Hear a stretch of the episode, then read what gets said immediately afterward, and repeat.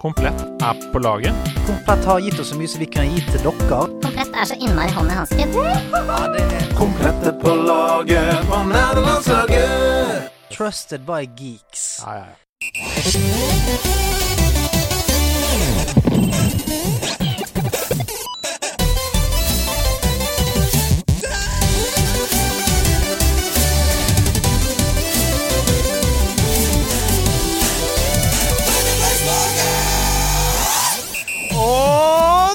Dra glasset bortatt glasset, så setter vi oss og glaser.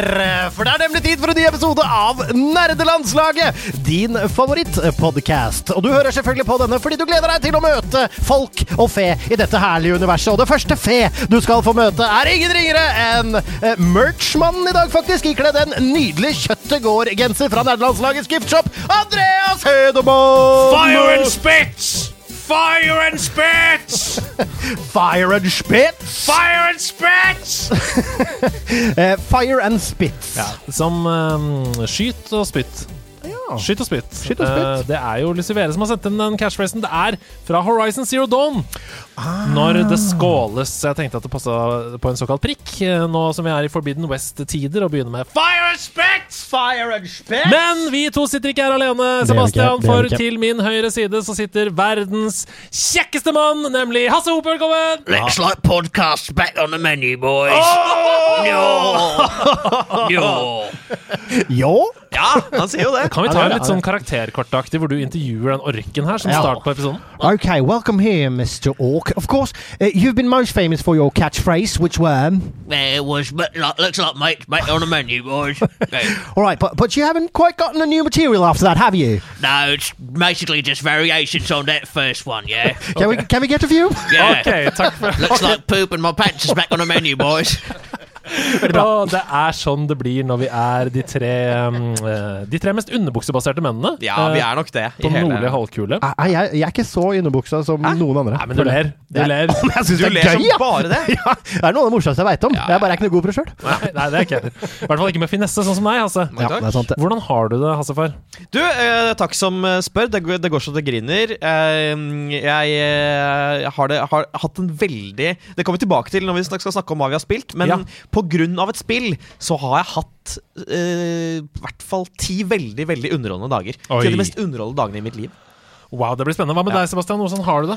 Du, jeg har det bra, altså. Nå er det spennende prosjekter på gang som jeg ikke kan si noe mye om ennå, for det er ikke embargo på de ennå. Og i tillegg til uh, gledelig har blitt litt uh, spilling. Men jeg har jo også ligget i en hel uke med covid. Nei, på det. det har ikke vært så eh, deilig, altså. Hvordan var det for deg? Var det, var det heftig? Det var det. Det traff jeg. hadde tre vaksiner ned. Men jeg ble ordentlig ordentlig sjuk, altså. Så jeg er veldig glad for at jeg hadde de tre vaksinene. Det kunne, altså, jeg mistenker at det kunne ha gått langt dårligere uten. Ja. Så Nei, det er godt å høre. Du står jo på beina her og kom rushende inn her med uh, Hva skal jeg si? Den eh, stressede nerven i pannen. Ja, Du minnet litt om en karakter fra filmen Wall Street. Å, tusen takk. Sånn Gordon Gekko-aktig med stresskoffert som yeah, Sell, sell, bye, bye! Let's uh, get Jeg skal, det, jeg skal ta Gordon Gekko, skjønner du, på karakterkortet. Men, eh, men det er veldig sant. Jeg kom inn som en slags Gordon Gekko med roser i kinnet. Det er riktig. Ja, det er men nå skal det bli deilig å, å kose seg med gaming med dere, gutta boys. Ja, det skal vi. Det er to gøyale ting som skjer i nærmeste fremtid.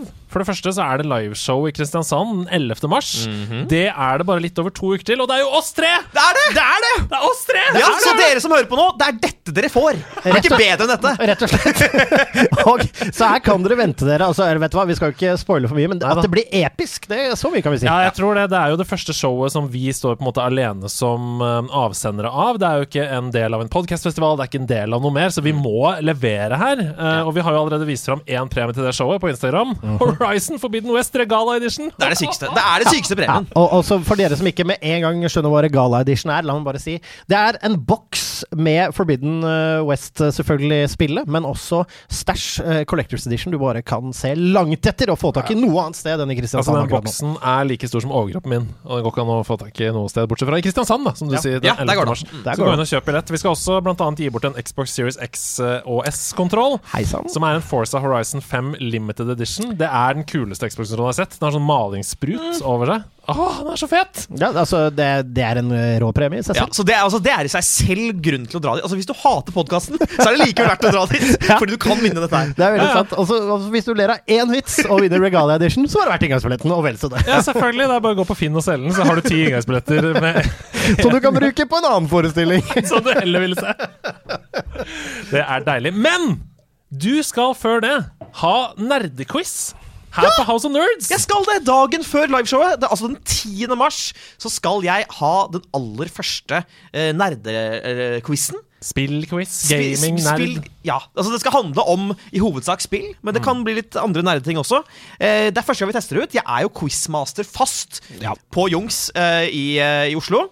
Eh, men har nå brancha litt ut her eh, på nederlandslaget. Og eh, det kommer til å være en, eh, en spillquiz som skal ha noe for alle. Altså Det skal ikke være beinhardt. Det skal være noen spørsmål som er dritvanskelige, men det skal være mulig for alle å komme og, og kunne svare på noe. Blir det alle tider, eh, dette her? Er litt sånn uh, Reiser vi i tiden, eller er det kontemporært, eller er det litt av hvert? Vi kommer til å reise i tiden. Altså Jeg kommer til å se an hvem, hva slags folk som kommer. Altså Hvis det kommer veldig mange over 60, så må jeg jo ha med mye pong. Ja. Uh, Mye pong-pong Ja. er svaret, da, stort ja. sett. Men i hvert fall første gangen nå så kommer jeg til å ha en ganske bred quiz om både nye og gamle ting. Ja, så gøy. Og da samle en gjeng, og kom til House of Nerds når 10. klokka mars. Ja, 10. mars. Klokka sju åpner vel dørene, så begynner quizen åtte, tenker jeg. Stemmer. Det er altså den store Mario-dagen. Mar 10. Ma- 10. mars. Oi, oi, Mario. oi, Så kanskje det blir noe Mario-spørsmål der også. Det som det helt sikkert blir, det er i hvert fall premier til vinneren! Her òg! Herregud! Altså Vi er så glad i premier! Jeg elsker premier. Hva, hva koster billettene, Andreas? Det blir vel en slags hundrelapp eh, per hode. En slags hundrelapp per hode. Kan man forhåndskjøpe og eller reservere bord? Eh, det tror jeg ikke man kan. Nei. Så det er first come, first served eh, her på House of Nerds. Men en hundrelapp per hode. Ikke noen begrensning på antall folk per lag, men minuspoeng. Minuspoeng per ekstra deltaker over fem. Ikke sant? Oh. Ikke sant? Så det kan være en taktikk der. Ta med deg en som er dritflink ekstra, men ofre et poeng. Det er som en strafferunde i skiskyting, på en måte. Er det plusspoeng for hver deltaker? Nei, nei, nei, skal ikke Ikke prøv deg. Ok, Ok, greit. ok, ok, okay. Så 10. mars, Mar 10, nerdequiz med Hasse på Hasse Nerds. Det er veldig gøy. Men nå må vi bare begynne med dette her. Fordi jeg prøvde å fylle ut eh, segmentet 'Hva spiller du om dagen?' Og Ja. jeg har spilt så dritmye den siste uka, så Oi. dette kommer til å ta litt tid, tror jeg. Ja. Men det er jo fint, for vi elsker å snakke om spill, og jeg elsker å diskutere spill med dere. Ja. Men la oss begynne med deg, Sebastian. Du har jo hatt coviden over deg, og det er jo en blessing. Ja, Fordi du har kunnet spille mer spill. ja, altså det var jo sånn det så ut lenge. Men det ble faktisk noen dager hvor jeg rett og slett ikke klarte å spille. Oi. Så jeg har ikke spilt så mye som jeg hadde håpet. Men eh, jeg har spilt, misforstå meg rett. Fordi eh, straks, straks man kommer seg opp i, opp i stående og kommer seg ut i spilleområdene, så er det jo klart man får satt i gang. Og jeg har eh, igjen spilt en del Fifa. Sånn blir det. Ja, ja, ja. Eh, og Ja, det er jo et spill som jeg Det er, det er snakket, det er diskutert. Det er eh, et spill som jeg liker eh, ganske godt i år. Gjør det bra. Så Men kan jeg bare spørre deg om én ting? Ja. Uh, Fordi dette her opplever jeg kanskje er hvis, Når man er syk da og har litt lite energi, så orker man ikke lære seg noe nytt. Nei. Man er bare keen på å spille noe man kan. Du Ja, kan spille med ett øye, liksom. Muscle memory. Du vil bruke den. Det er nettopp det, og, og da, derfor så ble det litt på det verste. Men så, så skjedde det. Jeg lastet ned, og jeg vet vi skal hit etter hvert eh, senere også. Ja, men du kan bare begynne. Og jeg begynner, og her er det bare å, å, å, å tune inn, Hasse. Ja. Sifu! Sifu, ja! Ja, og Fire flotte bokstaver. Sifu, ja. Og la meg bare si, for en som liker utfordringer eh, i TV-spillenes verden, liker eh, punishing Dette er punishing. Eh, og det er eh, Det ble nok litt for tungt for meg i lengden, så jeg har ikke fått spilt så mye som jeg hadde håpet, men har allerede begynt å perfeksjonere da første bane. Og så kommer jeg litt utover i klubben. Er ikke noe lenger enn det. Uh, Det går helt fint, Sebastian. Tusen takk. Ja. Gått litt ut i klubben, men begynner å bli god nå da på første del. Men jeg er ikke på Hasse-nivå enda. Sebastian, du er så flink i så mye annet. Men jeg koste meg. Du trodde det skulle komme oppløft. ja, det skjer ikke. Nei, nei. Get good. Get, get. Og så Hva er det du har oppdratt her? Ja, altså, med med er- Twitch-serien din? Ja, så jeg har smurt på selv. Vær så god, spis. Uh, it is alive! Men, um, men uh, jeg koste meg jo også med Hasses Sifu Masterclass på Twitch. Ja. Og- Kan vi ikke bare, for, for de som ikke aner hva Sifu er, bare Ja. etablere hva det spillet er? Ja, Sifu er et uh, spill hvor du på en måte Det er en rogelight, uh, som det heter. Hvor du spiller om og om igjen, og du er permadeath i spillet. Men du tar med deg noen oppgraderinger videre. Eh, og kan perfeksjonere. Så det, det det handler om, er at hver gang du dør, så går du opp i alder og får en death counter ved siden av, som dikterer hvor mange år du går opp i alder. Treffer du over 76, er det det? Uh, nei, altså, uh, du måte når du har, Hvis du er 70, så har du bare ett liv igjen. Altså, da, da er du død neste gang du, du dør. Du dør, ja, Ja. nettopp. Og du rise, altså hvis du dør, så uh, reiser du deg opp nøyaktig in medias res der hvor du døde. Og så er du eldre, og da får du mer damage, men mindre helse. Og så oppgraderer du med XP etter hvert da forskjellige moves. Det er som en beat em up. Det er som et, tre, det er et, som et fighting-spill, som du kjenner i sånn Mortal Kombat-stil, med parering og dukking og fete moves. Og så oppgraderer du moves. Når du har oppgradert movet, eller når du har unlocka det i playthrough fem ganger, så er det permanent, ikke sant? Og da blir du bedre og bedre og bedre. og bedre. Og Vi kommer tilbake til hva du mener om det, Hasse, for du har jo anmeldt det til denne episoden. Ja, ja, ja. Så din Jeg, anmeldelse skal vi høre på senere. jeg har anmeldt det, uh, men det er jo også det jeg på en måte har spilt siden sist, så jeg må jo nevne det òg. Ja. rett og slett fordi uh, vanligvis så har jeg spilt flere ting mellom hver gang jeg er gjest her, men dette spillet har rett og slett altså, tatt over hele min, min fritid og min hverdag. Eh, det er det eneste jeg har lyst til å spille. Altså, det er det eneste jeg har lyst til å gjøre. Så jeg koser meg veldig med dere nå, men jeg har lyst til å gå hjem og spille Sifu. Veldig, veldig. Um, Jeg gleder meg til å høre anmeldelsen etterpå. Det blir veldig bra. Ja, det blir, det blir spennende. Um, og det er rett og slett første gangen jeg har um, møtt et spill som er dritvanskelig, men der jeg liksom klarer å nyte det. Um, for jeg, jeg, kan, jeg kan nok komme dit med Demon's Souls. Jeg syns det var veldig gøy da du skulle lære meg i Demon's Souls, og gleder meg til veien videre. Uh, men jeg kom meg aldri helt over kneika. Her kommer jeg meg over kneika, og dette er et spill som jeg har lyst til å bli best i. Jeg har lyst til å være den uh, jeg har- lyst til å være best i verden. Ja, Det er mitt mål. det er fett. Altså, Ja. går, altså, er det, altså, får vi altså, live on tape uh, rett og slett en pledge til å bli verdens beste Sifu-spiller? Det er i hvert fall mitt mål, og uh, når vi uh, Altså, jeg kan røpe at i løpet av året så kommer jeg til å kjøre en, en speed speedrun av det spillet. Ja. Ok, det lukter to ting Oi, her. For det første så lukter det vel Dead Death Stream, Yep. uh, med Hasse eh, insentiv der. Det Se Hasse klart. speedrun. For det andre så lukter det også en påmelding til Games on Quick. Vi må sende Hasse til USA. altså, det, jeg er med, altså det, det tar vi på prod-kortet, som vi sier. Få Hasse på, Hasse på eh, GDQ. Det er et seminar om jeg noen gang har hørt om et. Okay, guys, so uh, right now we're just seeing the boss for the first time. You can actually just glitch through the wall here. Um, you don't actually have to talk to him. Kan, kan, vi være, kan vi være The Couch? The couch! Kan vi være The Couch? Yeah, what Hasse is doing right now is called the, the Kligaskip. Yeah. Uh, og kan vi alle få kalle Hasse for Du sier Hasse, og så sier jeg Haze. Well, Haze here is trying to scam us very, actually very hard. And so just kept going, it doesn't come Uh, down. And you can, can no, I- he didn't get it that time. Yes, yes, he got it. He got it. That's Okay, a very hard We have skip. to ask for uh, quiet now from the audience. Okay, so uh, I'm, I'm coming to the boss right now. Uh, it's actually the first time I've seen the boss do this one thing here, but I think we're gonna go be be okay. Yeah. Okay, good, good Åh, luck. shit, Good det er luck. akkurat som å være der. Eh, men men det, det er jo helt rått, da. Altså, jeg digger jo at du har funnet et uh, spill som gir deg den, og jeg skjønner det veldig godt. For min del så er det jo, er det jo Elden Ring kommer jo nå, som Ja, ja, blir min uh, go-to. Mm. Og det der, derfor Men allerede så kiler uh, Sifu. Men jeg klarer liksom den Jeg, jeg liker, eh, som i andre Rogalights, at det er bite-sized. Jeg kan gå inn, ta et run. Og så kose meg med det. Og. Det, det funker utrolig bra. Veldig bra spill eh, så langt. Hva annet har du fått uh, rørt konsollen din med?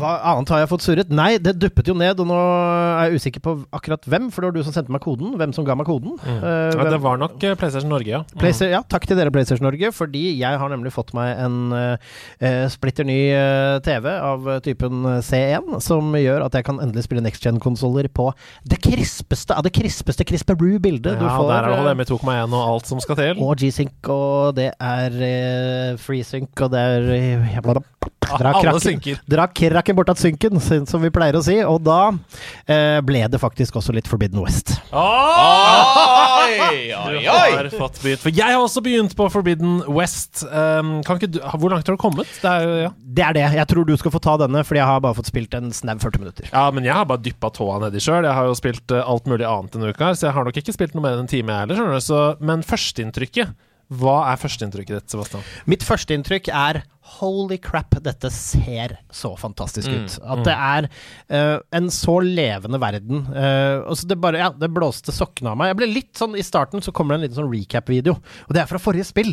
Så det var litt sånn ok, ja, ja. Ja, med grafikk, altså med grafikken fra forrige spill, ja. ja, ja. Ja, ja. Og så bare å, hei du! Å, hei du! Og idet jeg fikk kontrollen og løper ned der, og du hopper ned i første vann og dukker og bare, Å, hei! Å, å, å! altså, det er jo vann, vann har aldri sett bedre ut. Nei, nei, og vann er jo ofte Vann er viktig! Ja! vi måler ting på, men, men altså, altså bare pollen i lufta, altså, til maskinene, det intrikate, hvordan de lever i sånn biomekanisk eh, Det er Altså, vi er på Vi tar steg hele veien i gamingens verden, og det er utrolig fett å se, altså. Det er ikke mange som er flinkere på worldbuilding sånn visuelt enn uh, den gjengen her. Guerrilla? Nei. Det er gulla. Jeg tenkte umiddelbart på deg, Hasse, da jeg starta å spille det. Fordi dette er Uncharted. Dette er Uncharted, altså. Eh, okay. Som er din favorittspillserie, kanskje, med, ved siden av The Last of Us, part Ja. 1 og 2.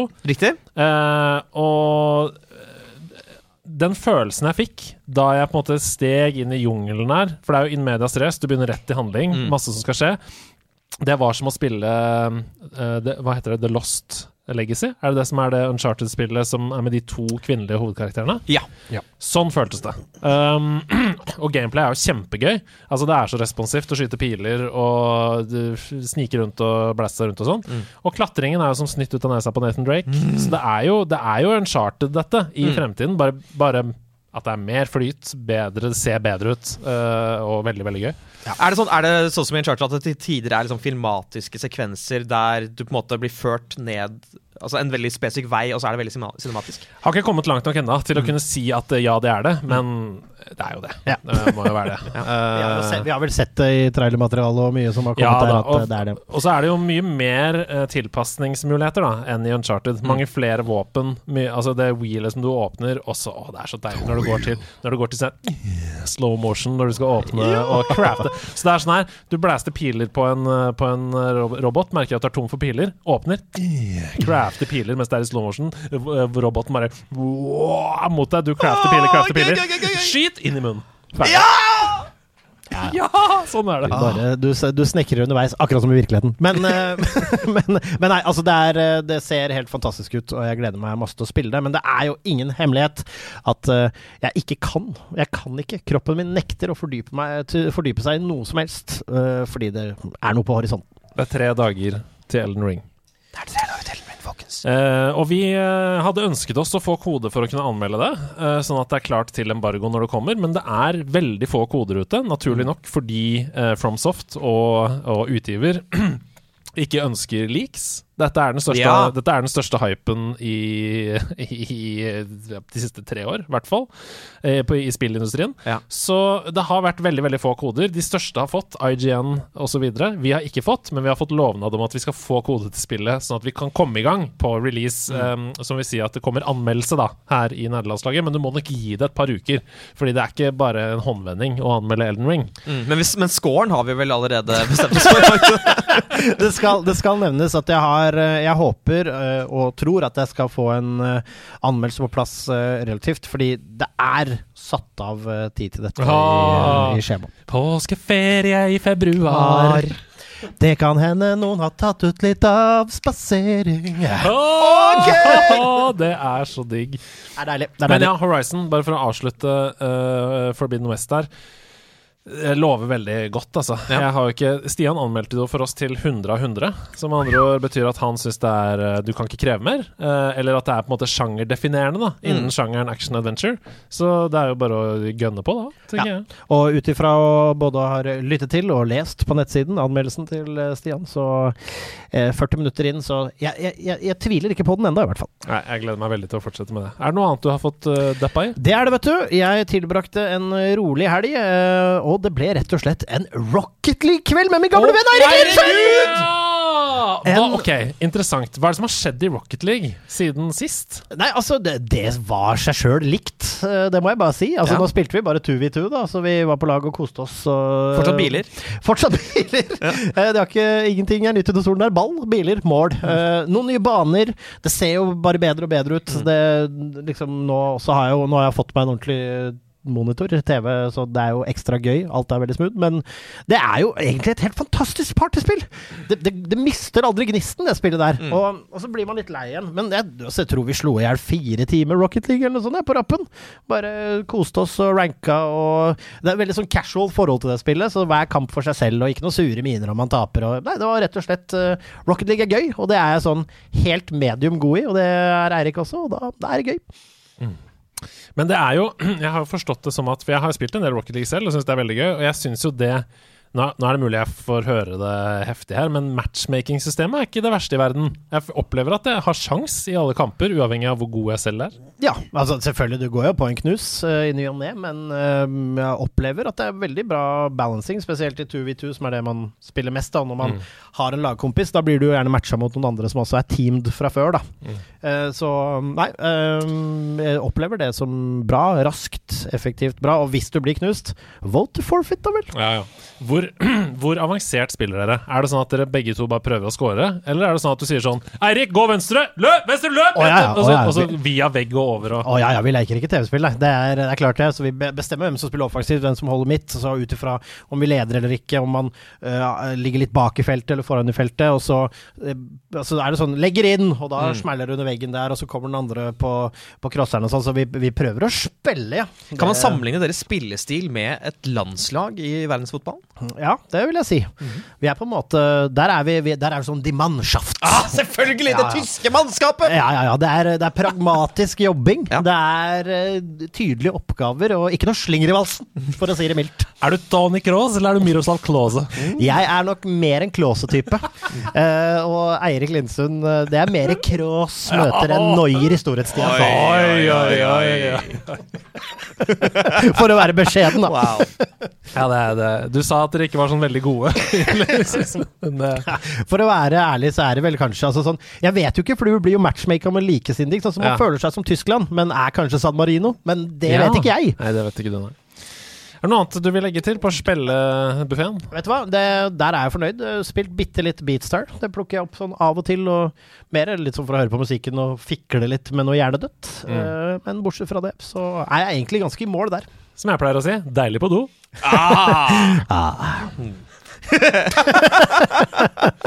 Hva med deg, altså? Du har spilt Sifu, men har du rørt noe annet siden Sifu kom?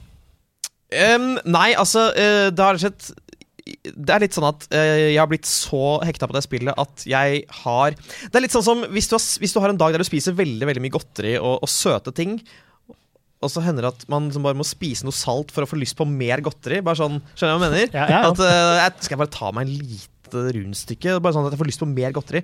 Sånn har det vært her. At jeg liksom har spilt så mye Sifu at jeg liksom Ok, nå skal jeg spille litt Chivalry 2, bare for å få mer lyst til å gå tilbake og spille mer uh, Sifu. Nei, jeg skjønner. Så det, det har ikke vært borti uh, den avhengighetsgraden i et spill på veldig, veldig mange år. rett Men dette er jo det fine med spill, og dette er jo kanskje en av mine favorittfølelser. Når man faller så pladask for et spill at man bare glemmer alt annet, har ikke lyst til å gjøre noe annet og bare koser seg. Og hvert sekund av spillet er bare gøy. Mm. Det er ingenting som irriterer deg. Du, det er ikke sånn at du ser, sjekker mobilen i loading screenene. Du sitter sånn her.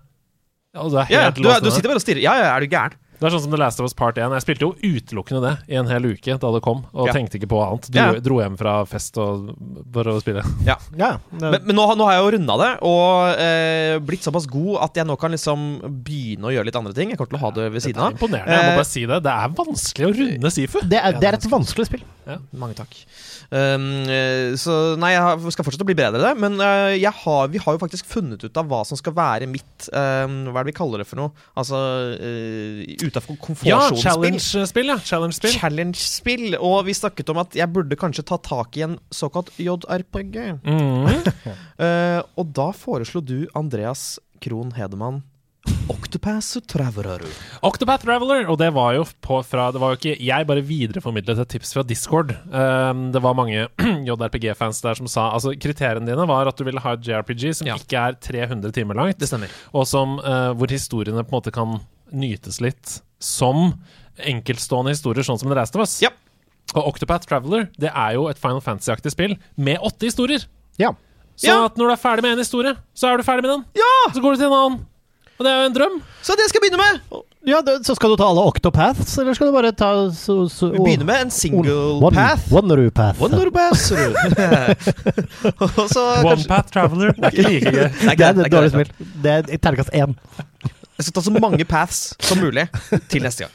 Ja, og jeg skal jo eh, inn i Pokémon. Eh, men jeg må bare si at det prosjektet kommer Altså, vi får se litt, da. Men det oser at Ring det, på fredag. det oser at Elden Ring kommer til å spise livet mitt. eh, så det blir satt på vent. Nei, altså Ida har jo gått helt all in her. Hun var jo sånn Jeg skal spille et bilspill. Var der hun begynte. Til Jeg skal anmelde Grid Legends, det nye spillet fra EA som kommer 25. februar. Så hun, Wow. hun har nå fått seg ratt og pedaler og skal anmelde et bilspill. Å, jeg elsker det! Det er altså Ida. Dedikasjon. Jeg liker det. Så det kommer anmeldelse av Grid Legends fra en som aldri har spilt et bilspill!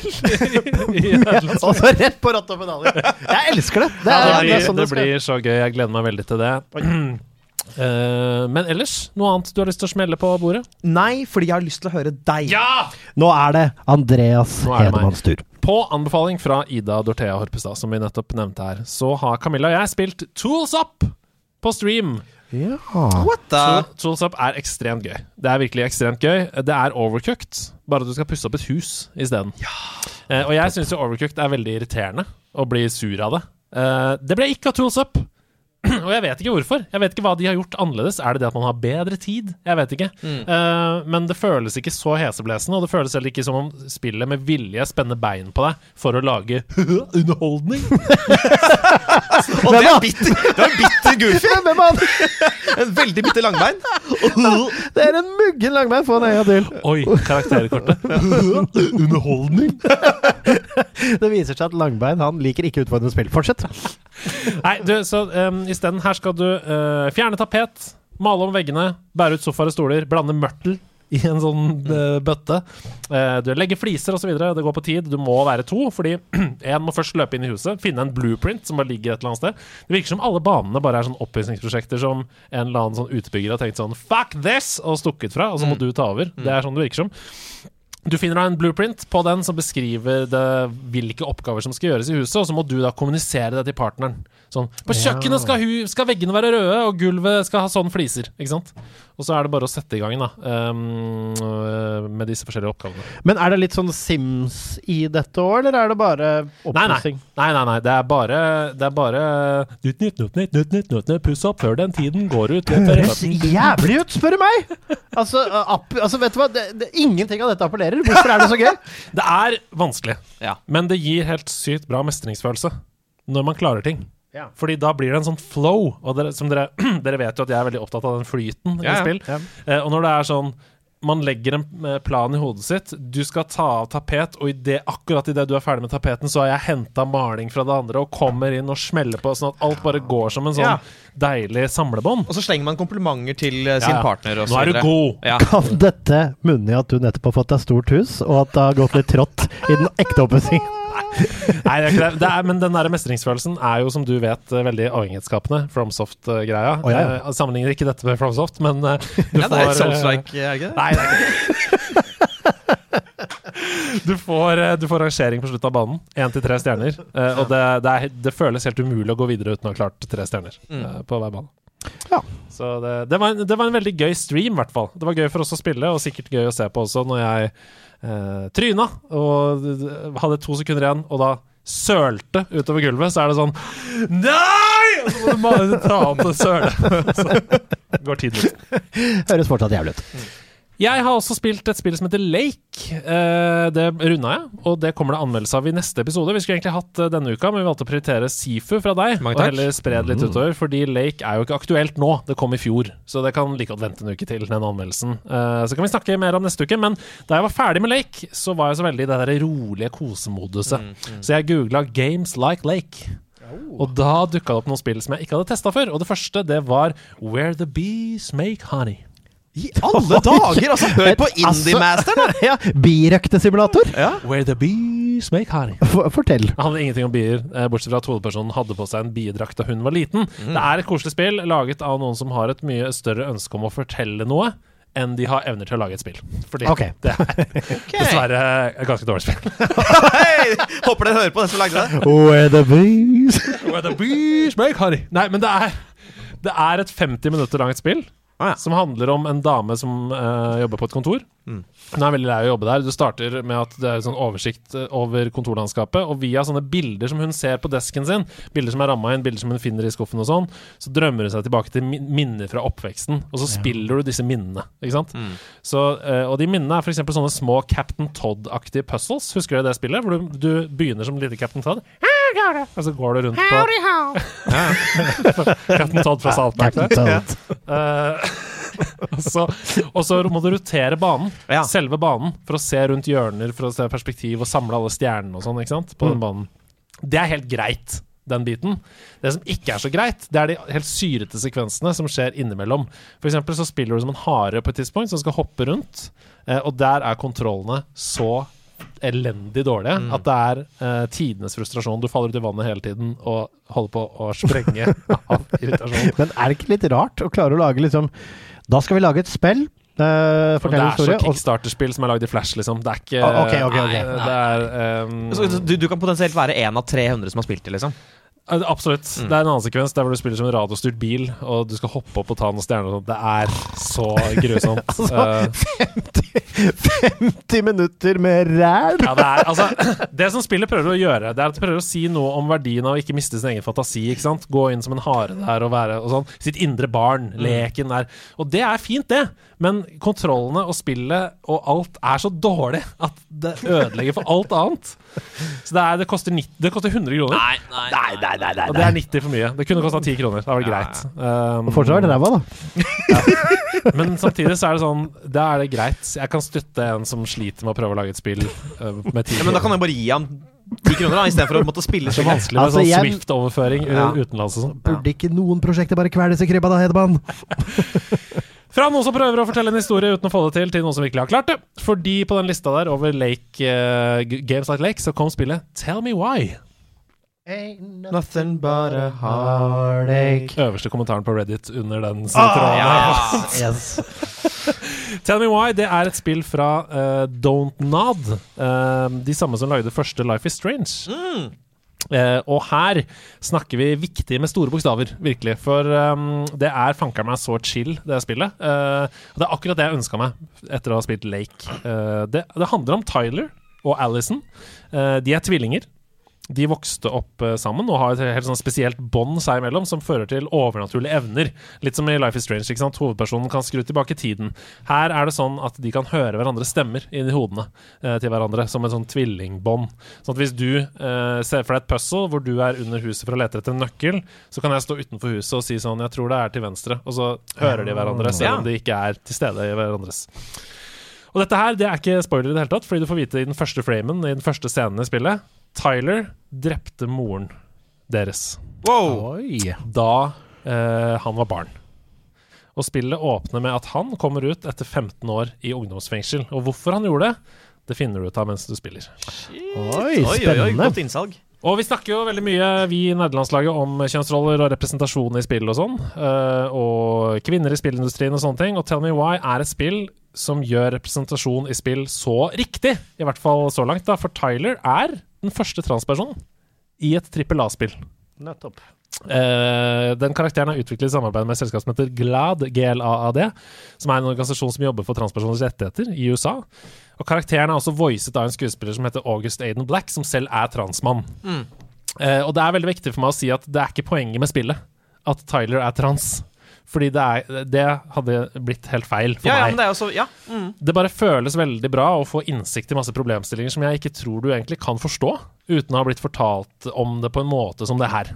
Så jeg er veldig takknemlig for det i Tell Me Why. Det gir meg masse. Den, bare å få se, se den verden gjennom øynene på Tyler. Og det er sånn, de er tvillingsøstre. Eh, I utgangspunktet, ikke sant? når de vokser opp. De to, og Når vi ser på minner fra barndommen, og sånn, så er det jo to uh, kvinner eller jenter som sitter der. Uh, men Tyler er jo fully trans...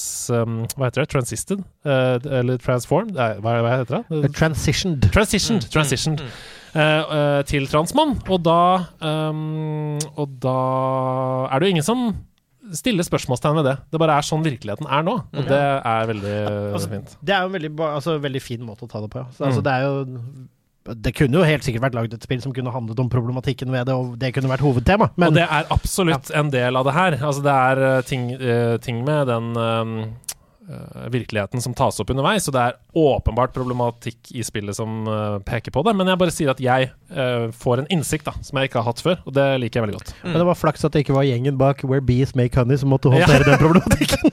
Det er helt riktig. Det helt riktig. Det er tre episoder av det. Jeg er ca. tre fjerdedeler gjennom den første episoden nå. Det er jo sånn episodebasert spill, sånn som Life is Strange. Um, så jeg gleder meg til fortsettelsen. Det er veldig sånn Jeg spiller så mye heftige Triple A-spill om dagen. Det er digg å bare koble av med et sånt lite eh, spill som det. Deilig. Vi har snakka om Horizon Forbidden West. Det vi ikke har snakka om, det er et spill som jeg har bare sittet på menyen av hittil. Å, fordi det står 'Services Down'. Å, og kan jeg, kan jeg, bare si at jeg Altså, før du tar ordet her, jeg må bare si igjen altså, den, den, gleden, den genuine Jeg tror jeg ja, vet hvor vi skal, og vi skal, ikke dit. Skal, for vi skal til Destiny 2. Du skal et annet sted? Ja, nei, vi skal til Destiny 2 The Witch Queen. Der har jeg bare sittet og sett på 'Services Down', så jeg har ikke begynt å spille det ennå. Men det er installert, og jeg gleder meg til å fortsette. Men spillet jeg ikke kan si en dritt om Jeg kan ikke si noen ting om det. Det er embargo om uh, åtte dager. Jeg kan ikke si noen ting annet enn at det står spesifikt You can, you can say that you have and play the game. Ja, Si at du har det, da. Gran Turismo 7. Og du Hvordan er det? Fortell oss alt! han kan ikke fortelle noe. Jo, jo, jo. Hvordan er det? Kom Han igjen. noe, Andreas. Men, men jeg, som ikke Han har ikke fortalt meg noe, bare så det er sagt. Men jeg kan se her og nå live i studio stjernene i øynene til Andreas Hedman. Han vil aldri innrømme det. Han vil aldri innrømme Men det. jeg kan også se det. Ja. Nei, det, det jeg kan si, er at jeg har jo enorme forventninger til dette spillet. Uh, det vet dere jo. Jeg har, jeg har jo venta på dette spillet siden Gran Turismo Sport, og siden før det òg. dette er jo eh, ut fra hva vi vet før spillet eh, kom, så er jo dette på en måte alle Gran Turismo-fans sitt drømmespill. Det er jo alt de har lært gjennom alle spill, og fortsatt den gamle på en måte, oppskriften. da Så om det innfrir, det får vi se, da. Om noen uh, Ja, vel, om, kan, om- men du, du, kan, du, kan ikke si, du kan ikke si 'har du kjørt et første race', Andreas? noe, Andreas? Ja, altså, jeg kan jo si at jeg har begynt å spille spillet. Ja. Ja. Det kan jeg si. Kan, kan du Så, svare nøktern han er. Han er veldig nøktern, men det jeg lurer på er eh, Hvor høy score må dette spillet Nei, men det, det kan jeg spørre om. Ja. Hvor høy score må spillet få for å leve opp til forventningene dine? Ja. Å ja, eh, 90. Ja, Ok. ok. Mm. Det må, være, det må være 90 eller bedre for at eh, jeg skal føle sånn Dette var neste steg Mm. for denne serien, og det jeg ønska meg. Hva, hva ga du Forsa i ditt hode? 100. 100. Men det er jo ikke en bilsimulator. Nei. Det er jo et arkadebilspill. Så det er jo sånn eh, Og dette, vi, vi skal snakke litt om dette seinere, fordi det har kommet inn et spørsmål som er sånn Dere har allerede gitt to spill 100 av 100 i nederlandslaget. Eh, hvordan kan dere gjøre det? Vi skal snakke om det i korktavla. Men for meg så må et spill være sjangerdefinerende. Altså det beste spillet i en sjanger for at det skal få 100 av 100. Eh, for hvis man ikke kan gi det til et spill som tar sjangeren videre, og er det beste spillet i sjangeren, så kan man aldri gi 100 av 100. Da. Det kan man jo ikke. Altså, nå skal ikke jeg hive meg på denne, fordi vi tar det i korktavla. Ja, men det, har vi altså noe å si om det. Ok, så Gran Turismo 7, det får dere vite mer om uh, litt seinere. Var det bra? det blir spennende.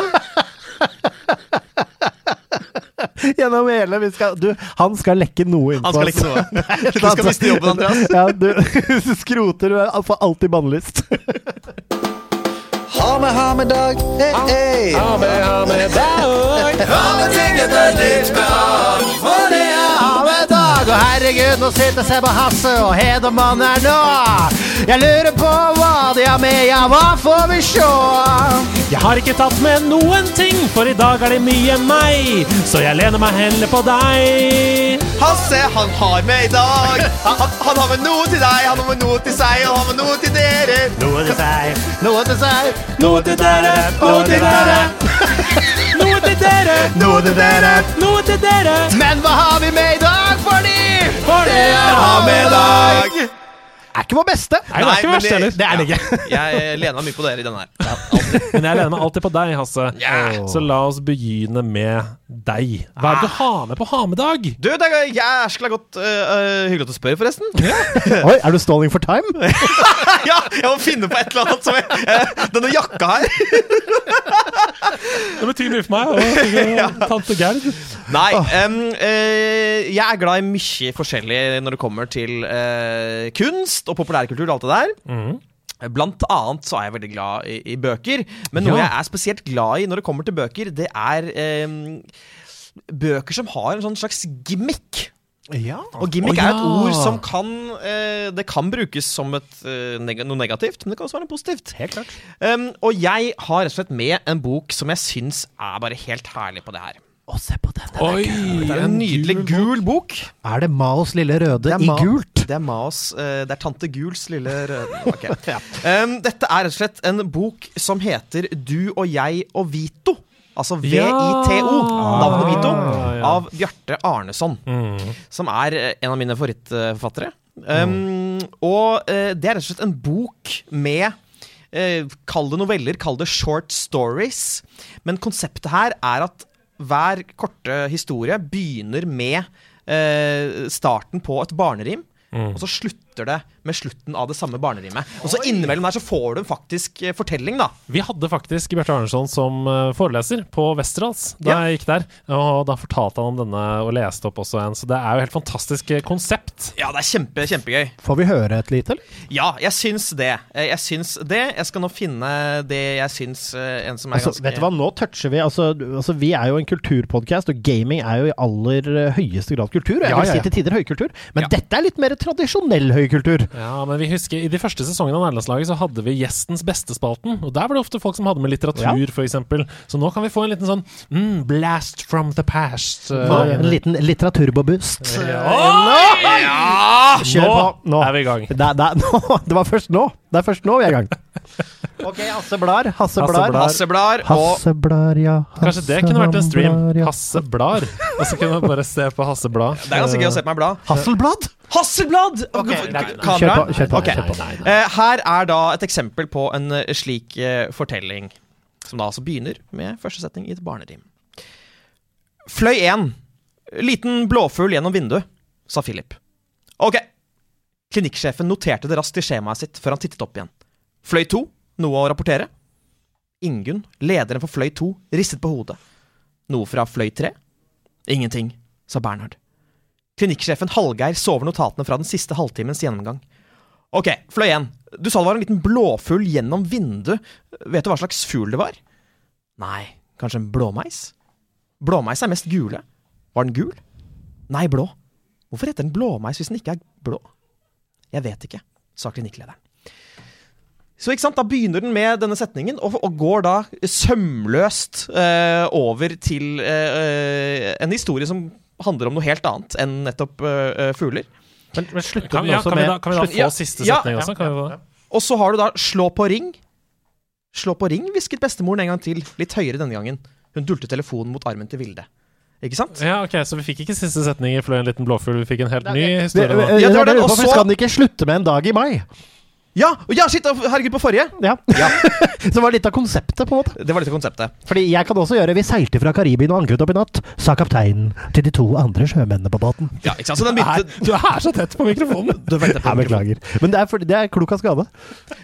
Så ikke sant, Den forrige startet da med fløy en liten blåfugl gjennom vinduet, og slutter da med april er helt full, fullbooket, sa han. Kanskje vi kan ta det en dag i mai? Der er han! Ja, der er den! Ja, men det er veldig, gøy. veldig Hvor lange er historiene, cirka? De er på kanskje ti sider. Ja, det er 10-15 ja, sider. Oh. Og det er kjempefine fortellinger om alt fra uh, sinnssykehus til uh, hvorfor menn gjemmer pornblader i skogen. Ja, Det er deilig. Det høres ut som noe å forberede seg til å kjøpe inn til uh, påskeferien. Ja. For dette er jo sånn du kan nyte i solveggen, og så leser du en historie eller to, og så sovner du litt, og så våkner du litt, og så ja. Og så kan du ha den på bordet, for boka, den er gul. Den er gul! Den er du kan påskete. bare ha den på bordet i påsken. Eh, Sebastian, jeg sa jo i introen her at det er mye meg i monitor i dag, og det er det, for jeg har forberedt en del forskjellige ting. Men ha med-dag har jeg derfor latt ligge, så hva er det du har med deg? I dag Andreas, oh, jeg, ser, jeg ser noe hvitt under pulten. Oi! Andreas, i dag har jeg med min gamle Nintendo Wii! Ja! Vis eh, den derre Wees. til, til, til kamera. Jeg whizzer den fram nå!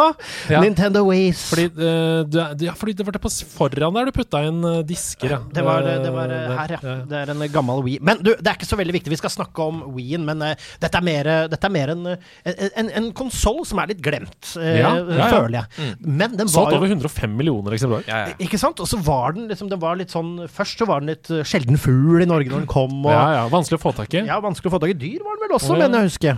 Eh, kanskje det er feil. Eh, uansett, så Umulig å si. Men jeg fikk Wii ganske sent. Ja, Ja, ja. jeg også. Jeg også. Så når jeg først fikk meg en Wii, det var i militæret, så hadde jeg en periode mens jeg venta på å få den stillingen jeg skulle ha i militæret, er ikke så viktig, så hadde jeg en ganske kjedelig jobb, en sånn ventejobb i en hel måned på en velferd ute på Kolsås, der hvor jeg var nada niks med folk. Ehm, så da kjøpte jeg meg en Wii, og så satte jeg opp i velferden på en TV som hang som jeg klarte å skru inn, så vinkla bak pulten her. Så den var litt sånn opp i taket, så ingen befaler kunne se det. Og det satt jeg da med Wii-måten, sånn, satt jeg sånn rett opp og ned i resepsjonsskranken, så ingen kunne se i uniform. Og så satt jeg liksom med hodet vinkla opp til den ene siden, og under pulten så spilte jeg Skyward Sword!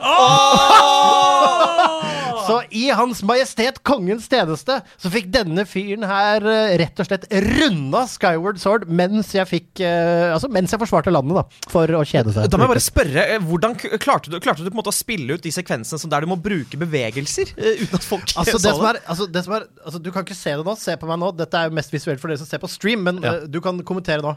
Ser du at jeg nå spurter med både bein og armer, Hasse, i overkroppen? Nei, nei, nei, jeg kan ikke se du det? Nei, fordi hvis du ser under bordet nå, se nå, ser du at det beveger seg i turbofart under bordet nå? Ja, jeg ser det! Ja, ikke Ja. sant? Ikke sant? Ja. Ikke sant? Ja, det er helt utrolig. Men, men helt, helt urørlig på overkroppen. Wow. Det, er, var- eh, det er Skyward Sword i militæret gjør med det. Du var rett og slett kong Hyrule. Wow! F der pika vi! Legg ned podkasten, Skru for der på pika vi! endemusikken! Jeg driter i hvor lang episoden er. Ja, jeg er skru for av. Hyrule. Få på avslutningsmusikken. Avslutning. Takk for at du hørte på. Hideo Kojima har tatt over min Samme faen det! Takk for Nei da. Men uh, en kjempevits. Men det er altså da min We. Den kom seint, men godt. Og jeg tenkte nå rett og slett at jeg skulle eh, se om det var noe Så tenkte jeg skulle se om det var noe bakkatalog som jeg fikk lyst til å spille på den. Det var det ikke. Så nok. Uh, dette blir en litt sånn last hurra for min We, for det Ja. kommer uh, Så jeg vil bare at folk gjerne gir den en kort applaus. Tusen hjertelig. Vi skal snakke mer om Nintendo Wii i nyhetsspalten, faktisk. Men før den eh, tid så skal vi snakke om noe helt annet. Hæ? Anmeldelse i nerdelandslaget. Hasse spiller på sin imaginære fele og imaginære lille gitar. Hør på fele og gitar i miksen her. Hør på fele og gitar i miksen. Vi har snakka litt om Sifu allerede, men du har jo fordypa deg i spillet. Ja, jeg har det. Uh, og jeg tenkte jo allerede fra jeg begynte å spille at dette gleder jeg meg til å anmelde. Uh, men så møtte jeg jo det problemet at for å anmelde så føler jeg at jeg måtte på en måte runde det. Og det var blodig vanskelig. Eh, det, er, det, er, det er vanskelig hele veien. Det er noen av bossene underveis som er bare sånn du, du skjønner ikke hvordan du skal komme deg videre. Uh, og særlig siste bossen er omtrent umulig. Så det, er liksom, det tok meg ti dager. Men Uh, i går så klarte jeg endelig å runde det, og da kunne jeg skrive anmeldelse. Og det var jeg glad Og allerede i dag så får vi altså uh, den, den gemene lytter høre. Jeg gleder Ja. meg til å høre henne. Ja, la oss høre på det. Ja.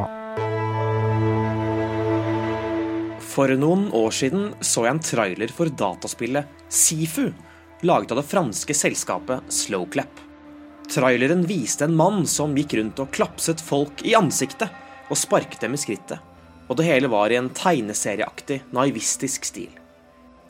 Etter å ha sett traileren tok jeg det dypeste innpustet i manns minne, for jeg lo kontinuerlig i tre timer. Det var det tristeste jeg hadde sett.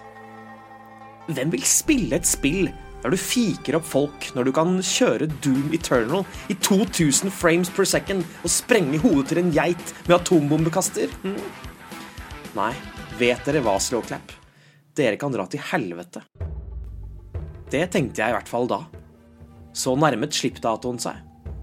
Og gradvis merket jeg at det begynte å bli hype rundt dette tilsynelatende veldig snorkete spillet.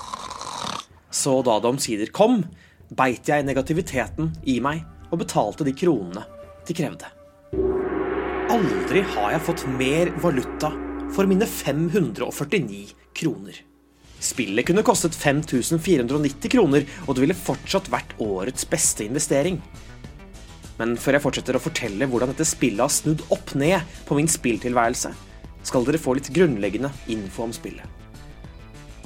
I Sifu møter du en gjeng jævler med navn Fajar, Shaun, Kuroki, Jinfeng og lederen deres Yang. De angriper en kung fu-skole og dreper alle som går der, inkludert skolens Sifu, eller lærer om du vil. Yang finner så Sifuens sønn og dreper ham også. Fy faen.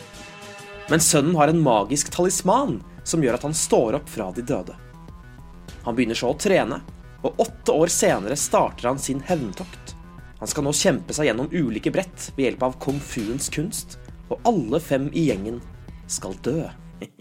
Men hva hvis han selv dør? Ikke noe problem. For her kommer spillets geniale vri på rogelight-sjangeren. Hver gang du dør, blir du litt eldre. Har du i spillet dødd én gang, blir du ett år eldre. Om du har dødd fem ganger, blir du fem år eldre. Og så videre. Og jo eldre du blir, desto mindre helse har du, men du blir tilsvarende sterkere. Det som også gjør opplevelsen noe lettere etter hvert som du spiller, er at du låser opp nye moves etter hvert som du sanker XP, og har du nok XP, kan du låse dem opp for godt. Og når du har rundet et brett, så kan du starte på det brettet fra den alderen du hadde da du låste opp brettet. Nå sa jeg, nå sa jeg brettet veldig mange ganger, så det, det er dårlig. Men nå kommer vi til hvorfor dette spillet burde få sin egen helligdag. Vanskelighetsgraden. For folkens, tro meg når jeg sier at jeg ikke er noen stor tilhenger av vanskelige spill. Jeg har aldri blitt bitt av Soulsborne-sjangeren, og har aldri helt skjønt sjarmen med å møte veggen rundt hver sving og dø oftere enn du bytter sokker. Det er en dårlig vits. Gammel vits. Mm. Sifu har frelst meg, for dette er et vanskelig spill. Det er brutalt. Til tider kan du ikke begripe hvordan du skal komme deg videre. Men så prøver du igjen. Og igjen. Og igjen. Og du blir eldre og eldre, men også flinkere og flinkere. Og én ting er at dine skills gjør at du kommer lenger i spillet, men det å kjempe seg gjennom rom etter rom raskere og raskere, det ser så forbanna fett ut, mann! Du føler deg som professor Bruce Lee, og det er en følelse jeg kan like. Dette spillet har faktisk endt opp med å ta all min ledige fritid. Det er det eneste jeg vil gjøre hver dag. På lørdag da var jeg i en av de gøyeste bursdagsfestene jeg har vært i på lenge. Men klokka ett kjente jeg at jeg var nødt til å dra hjem for å spille med Sifu. Og eh, seriøst, dere må, dere må, love meg å ikke si dette til eh, bursdagsbarnet. Fordi jeg sa til ham at jeg måtte hjem fordi jeg hadde hodepine. Så jeg, jeg løy. Jeg løy til en god venn. Men ja, det jeg prøver å fortelle dere, er at dette er et perfekt spill både hvis du elsker vanskelige spill, og hvis du aldri har skjønt greia med dem. Sifu vil overbevise deg. Overbevise deg. Ok, jeg, jeg sa det litt dårlig først. Det vil overbevise deg. Okay. Sifu ser dessuten sabla bra ut, med sin stiliserte, selvshade-aktige stil, og musikken og lyddesignen er av høyt nivå. Men så var det hvilken score jeg skal gi spillet, da. For det blir jo rart av meg å hevde at dette er et perfekt spill. Det kan jo ikke være det. Men jeg har en filosofi, folkens. Og den er som følger. Terningkast 1 til og med 4 er objektive terningkast, mens 5 og 6 er subjektive. Aldri la noen fortelle dere at det ikke finnes objektivitet når det kommer til å vurdere kvaliteten på et spill. Så jeg vil bare ha sagt det. Okay. Og dette spillet det treffer meg mer enn de fleste spill har gjort på mange hundre år. Når det går så langt som at jeg legger opp hele livet mitt rundt når jeg kan få spille et spill, da er det ikke snakk om at det kan få noe annet enn toppscore. Sånn er det bare. Så om vi opererte med terningkast, ville jeg gitt det en soleklar sekser. Men her i nerdelandslaget opererer vi derimot med 0 til 100. Og siden jeg ikke kan gi spillet 100, det er tross alt ikke The Last of Us 2, så blir det 95. Det har du fortjent, min ærede Sifu.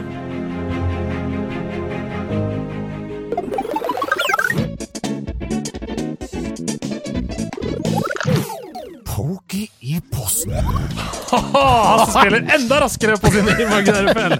Han er liksom den imaginære, imaginære felas Annbjørg Lien, den mannen. Og det er så deilig med denne spalten, for vi kan få ut litt frustrasjon av kroppene våre. Og Sebastian, du har rett og slett fanget en pokey, de store uh, kaktusene som går rundt i Mario-universet. Det har Du har fanget den, og er klar for å unleashe den her på podkasten. Ja, og i dag så vil jeg gjerne eh, sende en kaktus i posten. uh, Og eh, den går til ingen ringere enn DualSense-kontrollen! Oi sann! Oi! Oi. Ok.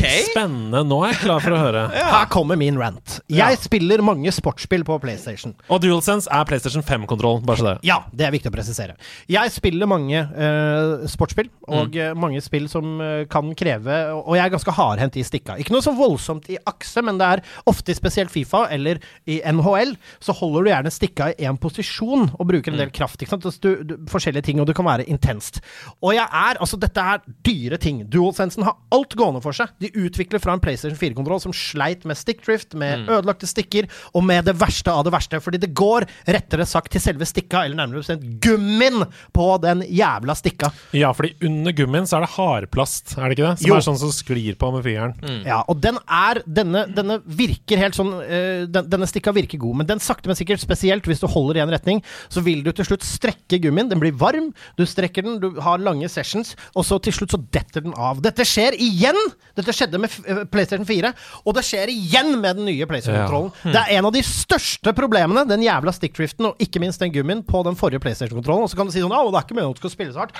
Alle vet at du tar i når du spiller noen type spill, Ja, ja. og at det blir kamp, og at plutselig så skjer det. Den kan gå i bakken, det er mange ting som kan skje.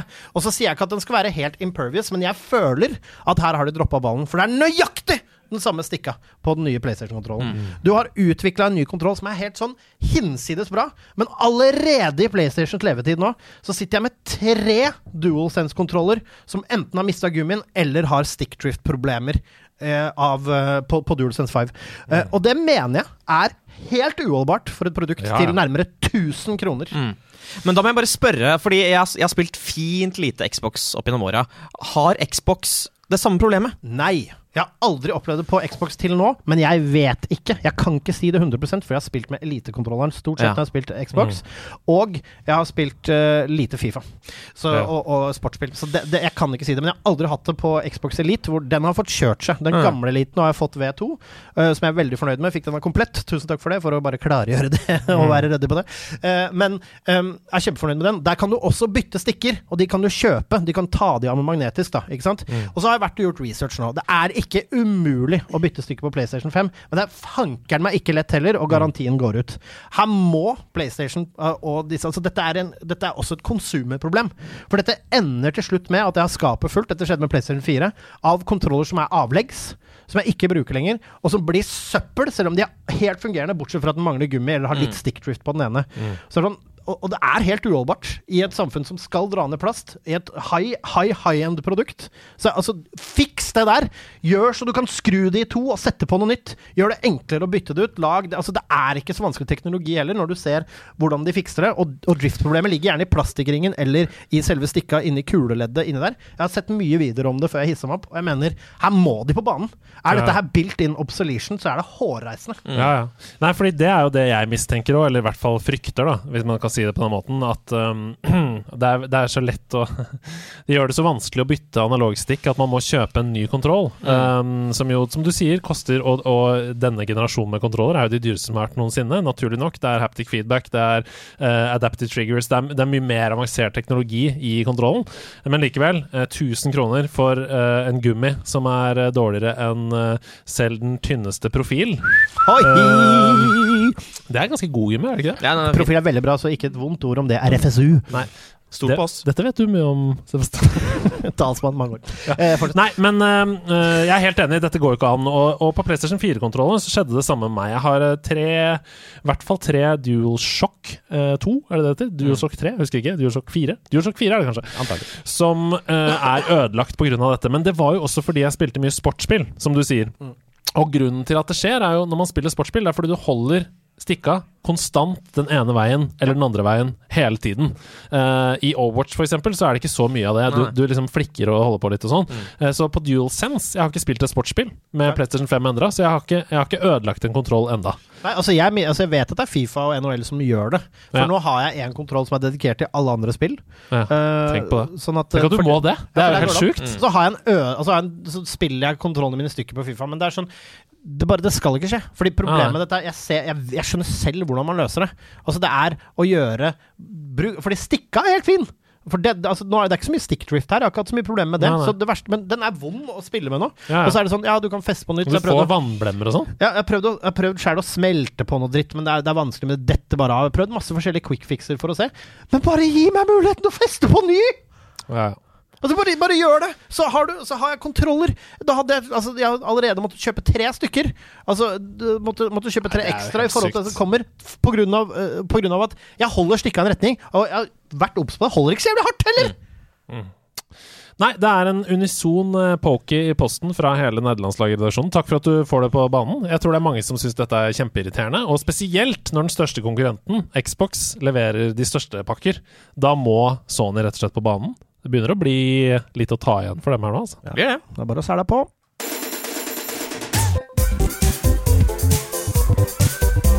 Karakterkortet. Vi er sannsynligvis midt inne i karakterkortet. Ja, det er vi! Der fikk jeg på meg headset igjen. Eh, og i karakterkortet så er det jo sånn at en av oss i nederlandslaget må forberede en spillkarakter som da blir intervjuet av en annen. Og grunnen til at jeg løp opp fra stolen her nå for å rette på mikken til Sebastian, det er fordi det er du som skal intervjue, Sebastian. Å, takk Gud, nå ble jeg nervøs! Og når du skal intervjue, så vet vi at det kan bli legendarisk, og da må vi ha fjeset på kamera, sånn at vi kan klippe ut ting av dette i ettertid. Ja, for SoMe, vet du. For SoMe sosiale medier. som Følg du oss er i sosiale medier, da vel. Ja, eh, følg Sebastian i sosiale medier. Ja, meg Se, at se Brynestad. Følg meg på TikTok. Er du på TikTok? Ja. Hasse er kjempemorsom på TikTok. Nei, nei, nei. Du er det! Jeg har sett Josh, han var der, var det Ja, Ja, det er så mye gøy på TikTok. Men Ja. i dag er det Hasse som har forberedt en karakter. Yes, sorry. Hvem er det som skal portretteres av deg i dag? Du, uh, i dag skal jeg ta for meg en karakter som er veldig viktig for meg. Jeg vet den er veldig viktig for deg, Andreas. Og jeg vet at du, for deg, Sebastian, så er den litt viktig. Ok. Ja. Eh, og det vil sikkert være da noen der ute som ikke vet hvem det er. Bare bruk Google for alt det er verdt, og søk på Junkrat. Ok! Hasse skal altså portrettere eh, heroen Junkrat fra Overwatch. Fra nå, Overwatch. Nå gir vi dere ti sekunder til å Kan- google Junkrat på mobilene deres, eller hvor dere måtte høre på det. Så hvis du lar en sånn heismusikk nå, så kan folk google Ja, men jeg har, Junkrat. mens dere googler Junkrat, så kan jeg eh, stille deg et spørsmål. Eh, vil du ha dette intervjuet på engelsk eller norsk? Jeg kommer til å snakke på engelsk, Ja, så for å gjøre det realistisk, ja. Ja. så må du bruke din engelsk. Da skal jeg bruke min engelsk. For de som ikke kjenner til Junkrat, uh, Lauren fra karakteren er jo at dette er jo en slags eh, ja, nomade som bor i Australia. Ja, jeg tenker vi kan finne ut litt om det her Ja, eh, nå, deilig. egentlig. Ja, ok. det, det, Ok, jeg tar av meg klokka her, og det betyr at jeg gjør meg klar til å ta tiden på ett minutt intervju. Eh, Sebastian, si fra når du er klar til å begynne intervjuet. Ok, jeg er klar! Da begynner vi om tre, to, én, og vær så god. Okay, ladies and gentlemen, please welcome to the stage a nomad from Australia. It's the Junkrats! Mm, hello there. It's, it's a pleasure to meet you. Mm, I'm crazy up on the old noggin. Mm, Well, yeah, you're you're looking a little shaky today. Is Yeah. everything all right? yeah, it's just a little mixture of caffeine and uh, cocaine. Mm, yeah. Can you please tell us a little bit about what, what, what do you do? Who are you in this world? Mm, I'm a bit of a rascal, you can say. I live back in the out, out, outback of Australia, and I'm a criminal. I steal gold together with my best friend Roadhog. Mm, that's what I do. Your best friend, but what do you do in particular? What what are your interests? My Mr. interests? Mm, well, number one, blowing things up. Mm, that's what I do all day long. Number two, taking cocaine. And M- Mr. Junkrat, can I ask you something? Yeah. Do you, do you need anything? mm, can I please uh, have uh, some uh, cocaine? I, I was thinking more about healing. Do you need... Mm, I need healing. Mm, I need. I really do need healing. I, I, I injured my foot stepping on a mine just now. But but you're a competitive shooter, and, Oh. and you have a big wheel with you. What is that for? My big wheel. Yeah. Mm, that's my ultimate. I can blow people up. no, no, no, no! Fine, Please don't! Please fine, don't! Three, two, one. Please, you're done. Og der er vi ferdig med intervjuet! Wow! Junkrat i eh, egen person her, altså. Ja. Ja, Eksaminator og sensor, Sebastian Brunestad og Andreas Hedman. Ja. Nå må Hasse gå ut på gangen, så skal vi ta diskusjonen. For nå har det liksom vært muntlig eksamen her inne. Følte du at du, du møtte på Junkrat her inne? Ja, altså Det er jo ikke til å skyve under stol at, den, at, dette, at denne konkurransen er Hasses hjemmebane. Oh, ja, det er det. Um, Junkrat, Jeg mena jo Junkrat lenge, og det var jo faktisk som å møte Eh, både, på, både på generelt krigsfronten, og også kokainfronten. Veldig mye kokain. Det var litt det. Altså, det føler jeg at han adlyver litt, men det er jo ikke nødvendigvis ikke i karakterens Nei, altså, potensialet. Det, Jeg er helt det. sikker på at Junkrat har mye kokain. Uh, Han heter jo Junkrat, og det er jo på en måte en junkie-ting. å ta ja. coke. Så Hva følte du om selve altså, eh, Parodien i seg selv er jo spot on. Dette, Ja, han den- kunne jo, mannen kunne jo vært stemmeskuespiller Junkrat. det kunne han. Men innholdsmessig i intervjuet her Ja. Nei, altså, han får jo spørsmålene altså, det, vi kommer jo, det, det er mye cocaine. Uh, det er mye, nev mye nevrose og cocaine. Og jeg føler at han ofte er mer også uh, interessert i kanskje det generelle med explosions. Da vi måtte lure explosions litt ut av han, uh, følte jeg. At det var litt lite liksom eh, pyroteknisk. Mer, mye dop, lite pyroteknisk, eh, sånn umiddelbart. Ja, Nei, jeg syns dette var um, kjempegøy. Jeg har jo selv sittet som Bane i denne konkurransen. Uh, det, det var eh, vanskelig nok, det. Og improvisasjonsmessig er jeg veldig imponert. Jeg hadde ikke greid å improvisere fram dette, så eh, Har du landa på en karakter? Jeg har bestemt meg inn i hodet, så jeg lar meg ikke påvirke av deg hvis du sier noe. Nei, du kan begynne. Ok, Har du også bestemt det? Mm, ja. Ja, bra. For jeg er på en rein femmer. Jeg er på en rein. Altså fordi jeg stiller, og det vil jeg bare si, jeg stiller høye krav til Hasse fordi han er en dyktig imitator. Så det har han i bånn. Men han får en rein femmer av meg. altså. Ja Vet du hva, Jeg var så nærme å løpe bort og slå deg i balla, men så kommer femmeren som Ja, den gjør det. Du fortjener den femmeren! Hvis du skulle få valgt deg en eh, karakter fra Overwatch å parodiere her eh, på, på sparket, Sebastian Brunstad hvem skulle det vært? Ikke noe problem. Honor! Justice! Right out, right out, right out! Wow! Terningkast seks! jeg tar den! Bare på innhold. Bare på innhold. For lite cocaine, rett og slett.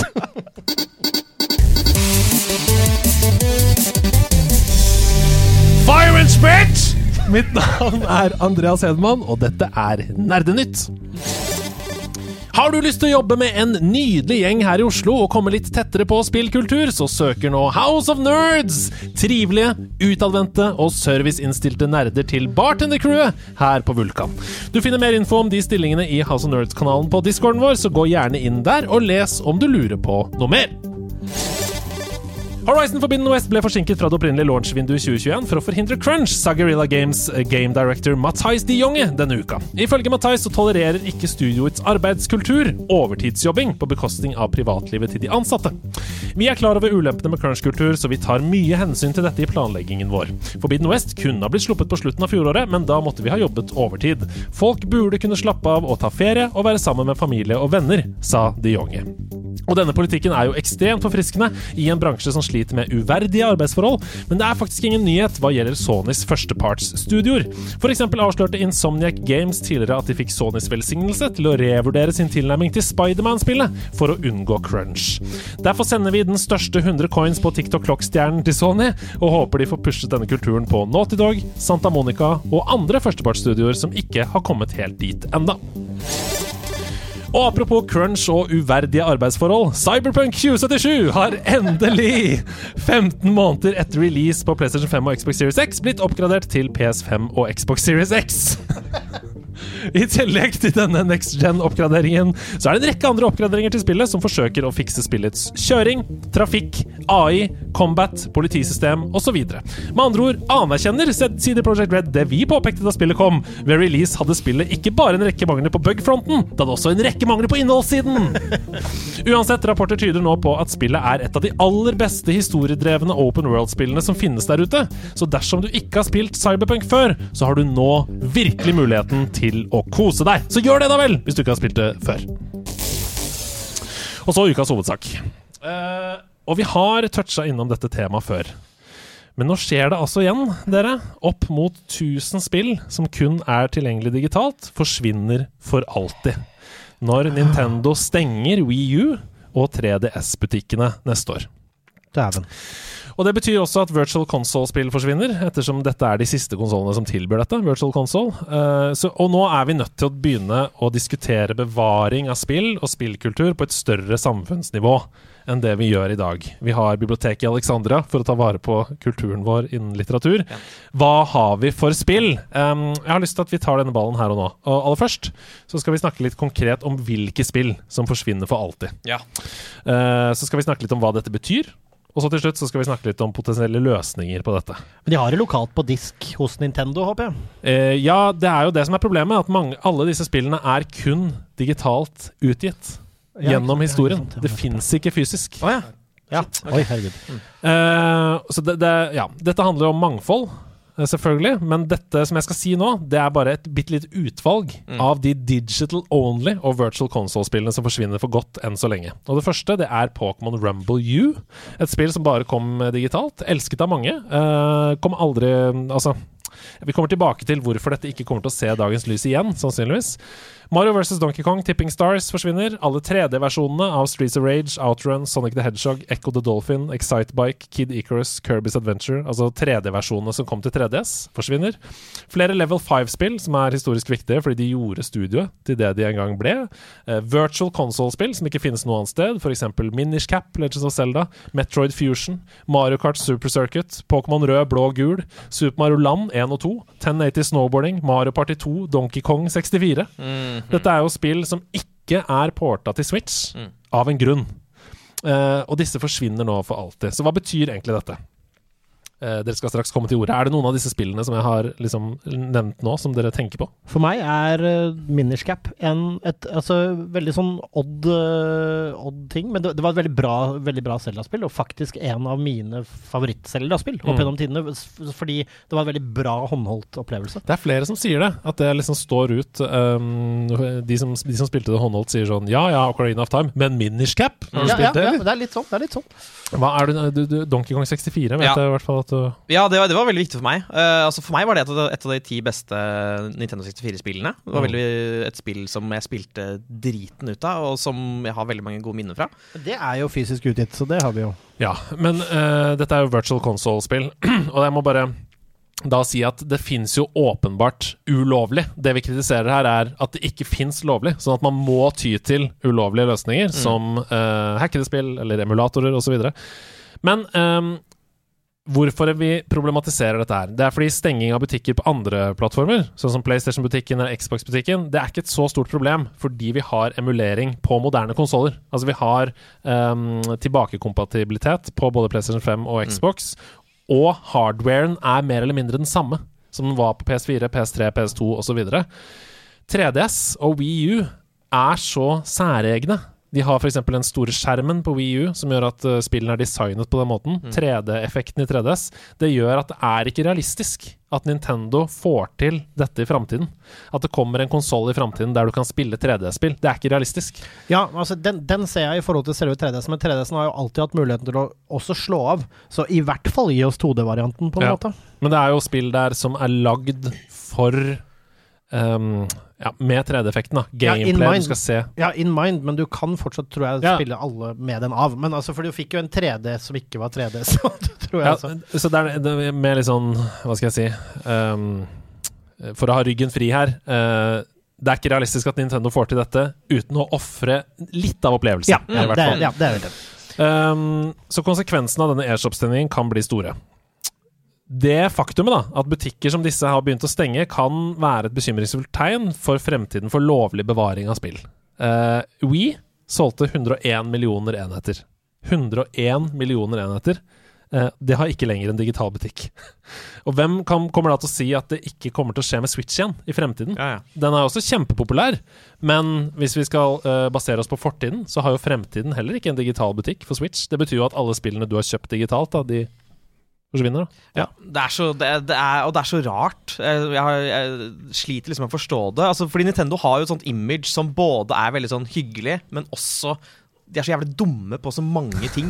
altså Bare sånn ting de gjør som man ikke helt skjønner. Eh, og er, altså, er grunnen til det her at det koster så mye å liksom ha dem lagra et sted? Eller er det at de tenker at nei, men om eh, 15 år så kan vi gi ut eh, Metroid Fusion igjen og ta 549 kroner for det? Altså, jeg, jeg tror det nesten garantert munner i det at det er veldig få Altså, de ser at det koster mer å ha Ja, ja. Altså, i strøm og lagring, ja. av- av- Ut ifra hvor mange som laster ned. Så det er jo, det er Garantert helt klart det. veldig, veldig veldig få. Altså sikkert, Ja. Kan sikkert bare telle på E2-hender hvor mange det er som har lasta ned på en måte f.eks. Pokémon Rumble U da, de Ja. siste fem årene. Men det er ikke det det som er problemet her. Problemet er historisk og kulturell verdi da, for fremtiden. Altså, jeg har en idé. Eh, Ja, men eh, det, det er interessant, fordi Ja. det er neste spørsmålet mitt. Hva kan vi gjøre med kultur og historie som ikke er fysisk? Hvordan kan vi bevare det? jeg ville sagt altså Dette sier jeg uten å ha noe som helst peiling på koding, så jeg kan ikke. Men finnes det noen måte her å lagre og bevare source code, i hvert fall? Ja. Om source code kunne vært public domain. Mm. Eh, eh, Om det er public domain eller ikke er viktig, men går det an liksom, altså, på en eller annen måte å ha bilden et eller annet sted for posterity, hvis du skjønner hva? Ja, jeg skjønner hva du mener. Um, det fins jo en tjeneste som heter archive.org. Uh, archive.org det er et non-profit bibliotek som har millioner av gratisbøker, filmer, programvare, musikk, nettsteder, masse mer. Det er f.eks. de som har The Wayback Machine, mm. så hvor du kan taste inn en nettside og se sol.no i 1997. Hvordan var det, er liksom. Det er veldig fett, og det er viktig, fordi det sier noe om hvor vi er nå, og hvor vi har vært. Ikke sant? Um, så én ting man kan gjøre som konsumer, er å donere en slant til dem. Litt som at man kanskje kan donere til Wikipedia, som også er et non-profit uh, nettsted. Så archive.org gjør en kjempejobb uh, på den, men det er jo ikke et Nintendo-offisielt produkt.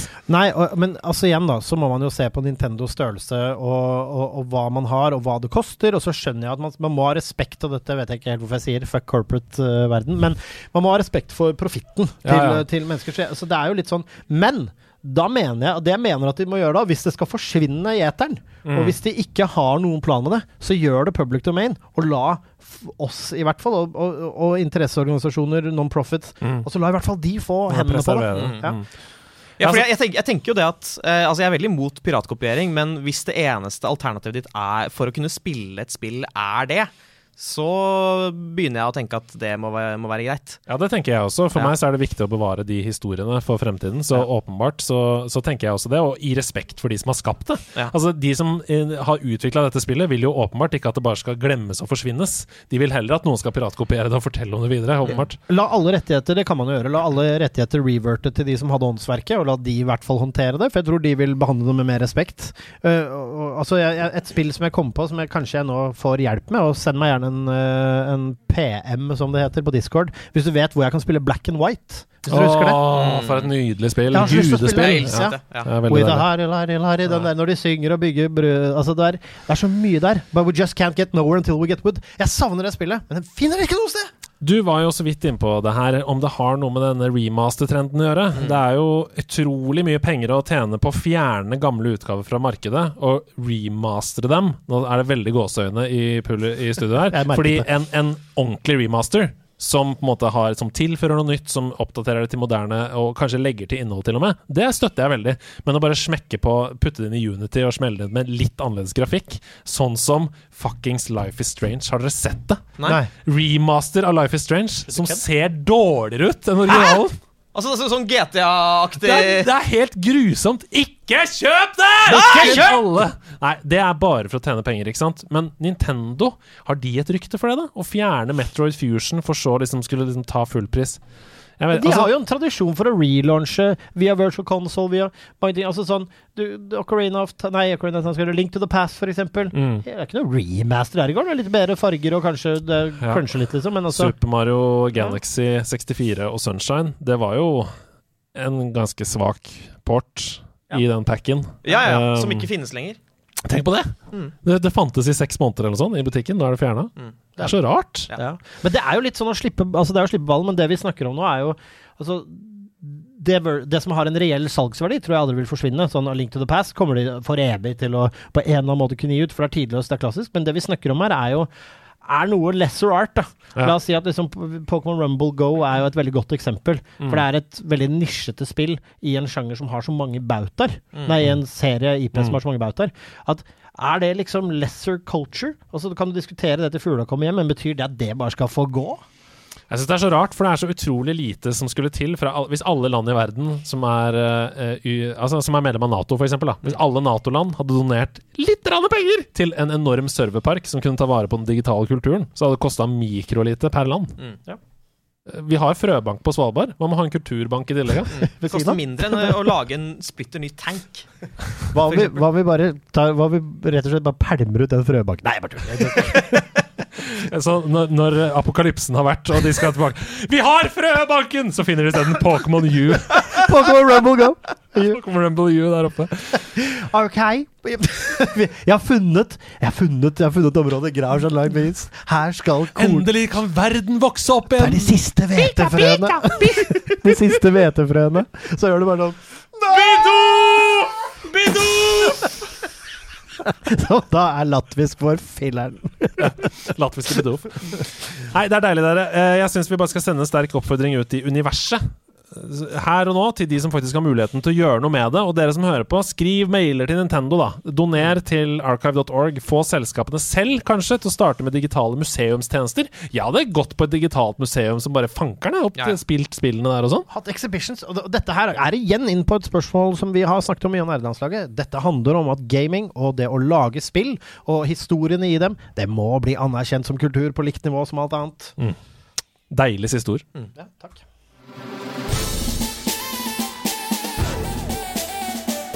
Gå lydplanken! Nok en gang er det jeg som er kaptein på denne sjørøverskuta her. Og dere to små piratgutter, har dere tatt på dere badeshortsen? Ja, altså. Ja, altså. Jeg har også tatt på meg Du er naken nedentil. Ja, jeg har de på armene. Det er en veldig liten krok. Nei, ikke snakk om kroken min på lufta. Rett i underbuksa. Der skal vi være! Rett i badebuksa, for på gå lydplanken så er det altså en av de to stakkars piratene foran meg som er nødt til å gå ut på lydplanken dersom i taper. Hoppe ut i musikkmyra og bli spist av G-nøkken.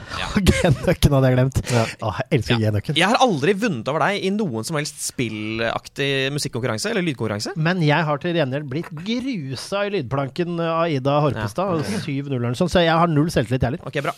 I Gå lydplanken så spiller jeg av eh, tre lydklipp eller lydeffekter eller hva som helst som har med et spill å gjøre. Dere skal komme med eh, svaret på hvilket spill. Eh, og når det er lydklipp, da må dere rope. Det er det førstemann til å svare. Men, ikke sant? Men etterpå så kan det hende at det er om å gjøre å komme nærmest, f.eks. Det, skal vi- det skal vi se på oppfølgingsspørsmålet. Men her kommer den første oppgaven. Husk å rope navnet når dere skjønner hvilket spill dette er, det vi hører nå.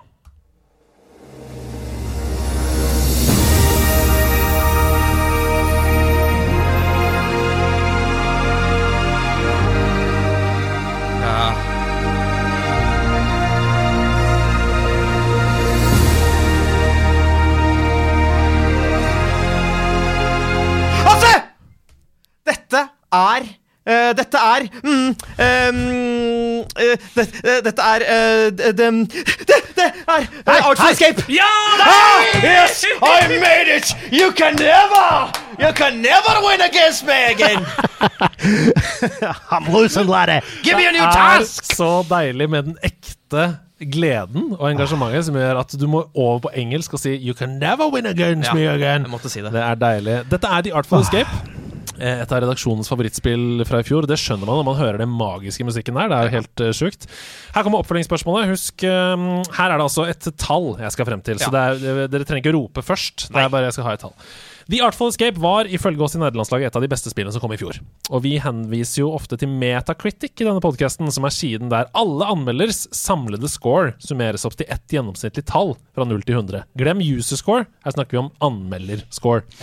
Så hvilken score fra 0 til 100 har The Artful Escape på Xbox? Der! Og her skal vi ha da to tall. Og jeg vil gjerne at dere skal bestemme dere på forhånd, sånn at dere ikke kan påvirke hverandre. Ja, jeg kan skrive det ned på mobilen, sånn at jeg beviser at Ja. ikke Sebastian For det er veldig ofte så er det sånn å bare ta én høyere eller én lavere enn Ja, ja, det er sånn bullshit. Ja.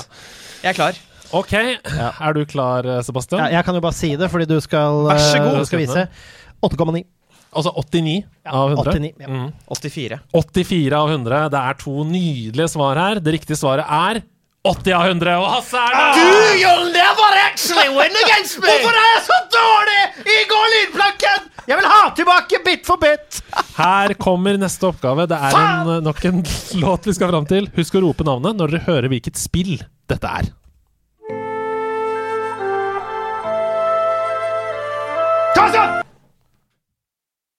Oi, oi, oi. Nei, fuck. Var det for tidlig Er det Sekiro? Nei da.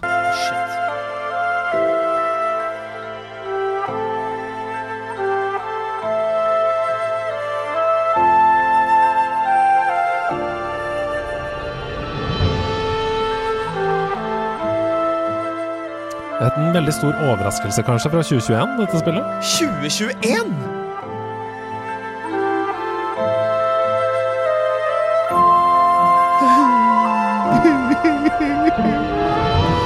Jeg tror ikke jeg har spilt det.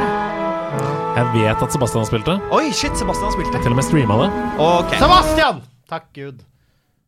Si det da, din fjols. Dødens dør. Ja, det er Death's Ja! Door! Det er helt You'll riktig. never win against me! Det er ikke sant. Jeg leder over deg. Eh, det er sant. det er også sant. Ok, vi er altså her Jeg måtte bare få lov til å si det en gang. Ja, det hadde eh, i. Death's Door med et nydelig, nydelig soundtrack. Uh, her kommer oppfølgingsspørsmålet. Og nå må dere bestemme dere nok en gang. Eh, og, og skrive for dere selv, litt som i ta Nei, hva heter det? Fem på? på Ja. på på, gamle dere på NRK NRK. Ja. Det er åtte bosser å slå i Death's Door. Og alle har ulike egenskaper. Ikke se så fortvila ut, for dette kan, du, dette kan du klare. Okay. Hvilken av de fem jeg leser opp nå, er ikke en boss i Death's Door, Fuck. og bare et produkt av min fantasi? Ja! Så må dere da resonnere dere fram. Her kommer da fem eh, bossnavn.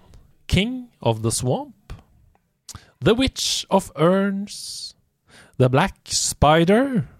Demonic Forest Spirit. Eller Betty. Mm. King of the Swamp, The Witch of Urns, The Black Spider, Demonic Forest Spirit eller Betty. Hvilken av disse fem er ikke en boss i Death Lett. Store? Dette er lett. Har ikke runda det, sier Sebastian her, mens han fortvilet gnir seg i hodet og ser ned i mobiltelefonen. Hasse har ikke spilt det her, men han sier det er lett likevel. Jeg er ganske sikker. Jeg kjenner, jeg kjenner litt skrudde sinn, Andreas. Ja, mitt uh, skrudde Ja, sinn. Da, hvem jeg, da, jeg har skrevet. Jeg kan begynne. Ja.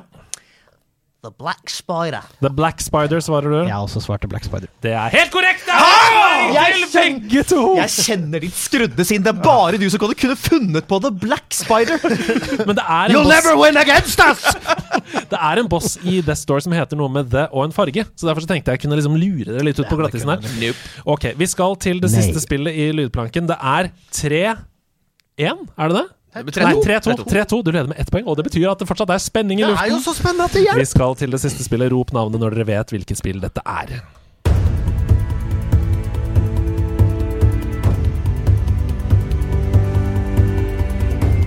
Sebastian! Er dette Horizon Zero Dawn? Ja! ja! Det er Horizon Zero Dawn! You'll never win against me! Nei, Sebastian, hva er det du sier for noe? Dette er Horizon Zero Dawn, og det betyr at det er 3-3 før den siste oppgaven. Dere er så gode på å lage spenning! Kjøttkake. Er du sikker på at du vil ha tilbake Bit for bit? Eller vil du fortsette med Eh, lyd? jeg elsker lydplanken. Men eh, Hasse, du må da gå et steg ut på lydplanken. Fordi det var Ja, det- Begge må det. Vi står og vipper på planken. vi Så nå. er det viktig Ja, men jeg vil gjerne at du skal rollespille at du går ut nå. Ja, greit, da. Please don't do this to me. Please don't do this to me. Wait, wait, wait, wait. Den lille piraten med den lille kloa si. Eh, klo, da. Ikke, Ja, ja. ikke krok, som jeg sa i stad. Eh, her kommer oppfølgingsspørsmålet, og nok en gang så skal vi nærest. Så eh, vær klar til å skrive ned en gang til. Horizon Zero Dawn har vært en kjempesuksess for Sony, og passerte nettopp 20 millioner solgte eksemplarer til PC og PlayStation, ifølge en tweet fra Herman Hulst, som er sjef i PlayStation Studios. I den samme tweeten så kunne også Herman avsløre hvor mange timer spillerne totalt har lagt ned i spillet. Så hvor mange timer totalt har mennesker verden over spilt Horizon Zero Dawn? Ok, Så det er ikke et gjennomsnitt? Det er Nei, det er totale antall timer. Uh, og vi vet jo da at det er solgt 20 millioner eksemplarer. Så Det går an å begynne å resonnere seg fram uh, basert på det. Uh, noen er jo, spiller jo, har spilt det kjempemasse. Noen har jo spilt det bare bitte litt. Så altså Hvor mange Endelig timer totalt har mennesker verden over spilt? Da gjør vi det veldig spennende her å begynne med Sebastian. Hva har du svart?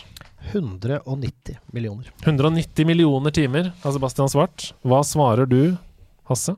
Smak på denne, Sebastian. 140 millioner. 140 millioner timer. Smak på den, du, Sebastian. Det riktige svaret Åh, Dette er så spennende. Det riktige svaret i går lydplanken er over én milliard timer! Som vil si at Sebastian Bristad er dagens vinner av Gå lydplanken! Og Hasse, du må gå ut på lydplanken! Please, please don't do me. Uh, wait, wait, wait, wait. No, please. I, I can give you money. Uh, no, no.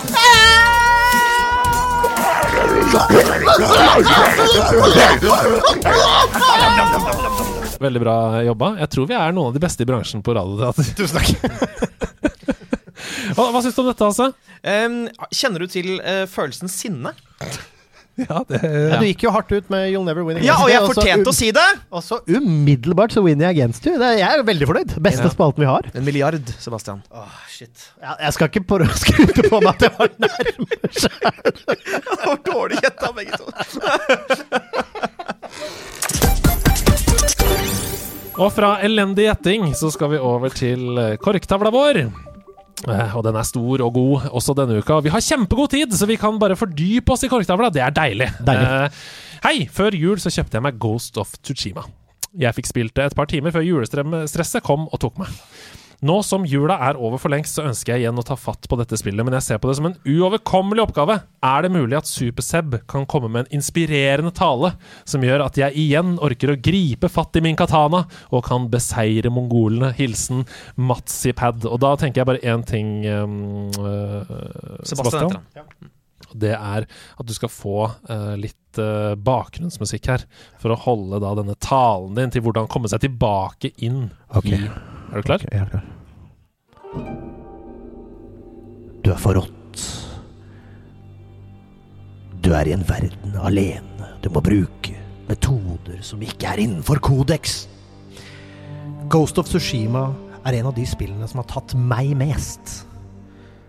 Det er en av de spillene med en verden som lever. Det hele er et kunstverk. Det vaier i vinden på alle mulige måter. Combaten er god, historien er enda bedre. Det er spekket med morsomme sidequests. Hele spillet er i det hele tatt en fest.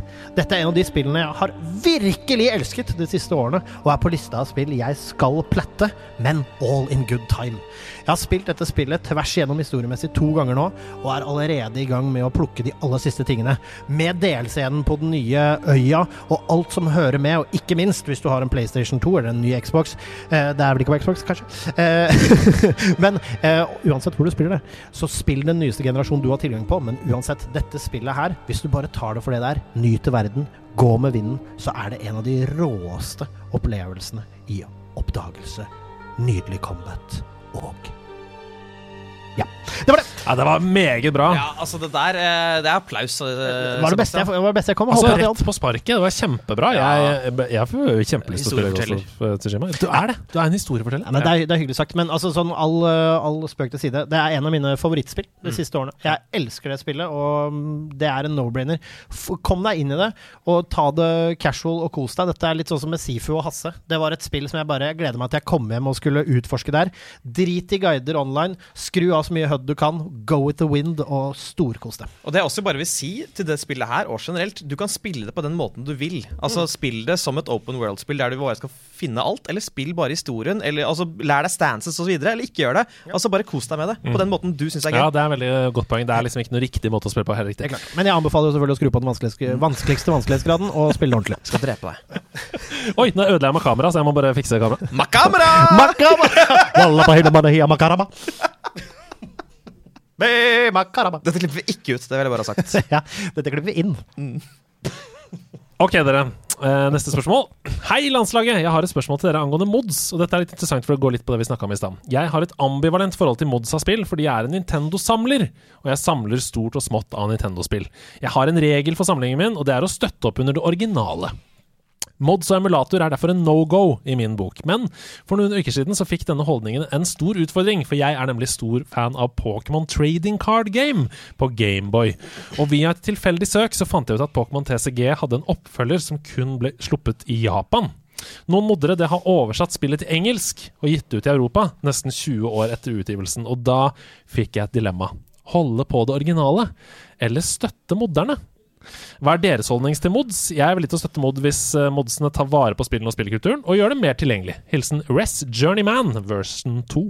Jeg mener at eh, modding av spill, så lenge det ikke er i piratøyemedet og tar, eh, og tar eh, ulovlig kunst- og kulturuttrykk, eh, på en måte, og stjeler, så lenge det ikke stjeler, og det er en forbedring, uansett i hvilken eh, retning det måtte være, eller om det er å gjøre noe morsommere, om det er å gjøre noe annerledes, så mener jeg at det er en helt innafor eh, form for kunstuttrykk i spill, syns jeg. Ja, Hva tenker du? Du, altså Jeg har eid en PC i et år, så jeg har, liksom, jeg har ikke spilt så veldig mye mods. Jeg har spilt liksom Black Mesa-moden til Half-Life 1. Eh, men jeg er ganske enig med han. Altså, så lenge du på en måte eier spillet, og eh, modden gjør at det er lettere for deg å spille det, så kjør på. Mm. Ja, for én ting er jo det som vi snakka om tidligere, at hvis eh, spillet fjernes og ikke er mulig å få tak i Mm. på noen annen måte, så må det da være greit. Men det du er inne på også, at dette er jo et, en kunstform. Det er jo helt vanlig i annen type kunst å remixe, f.eks., en låt. Ja, ja, Matoma Eh, remixer jo biler.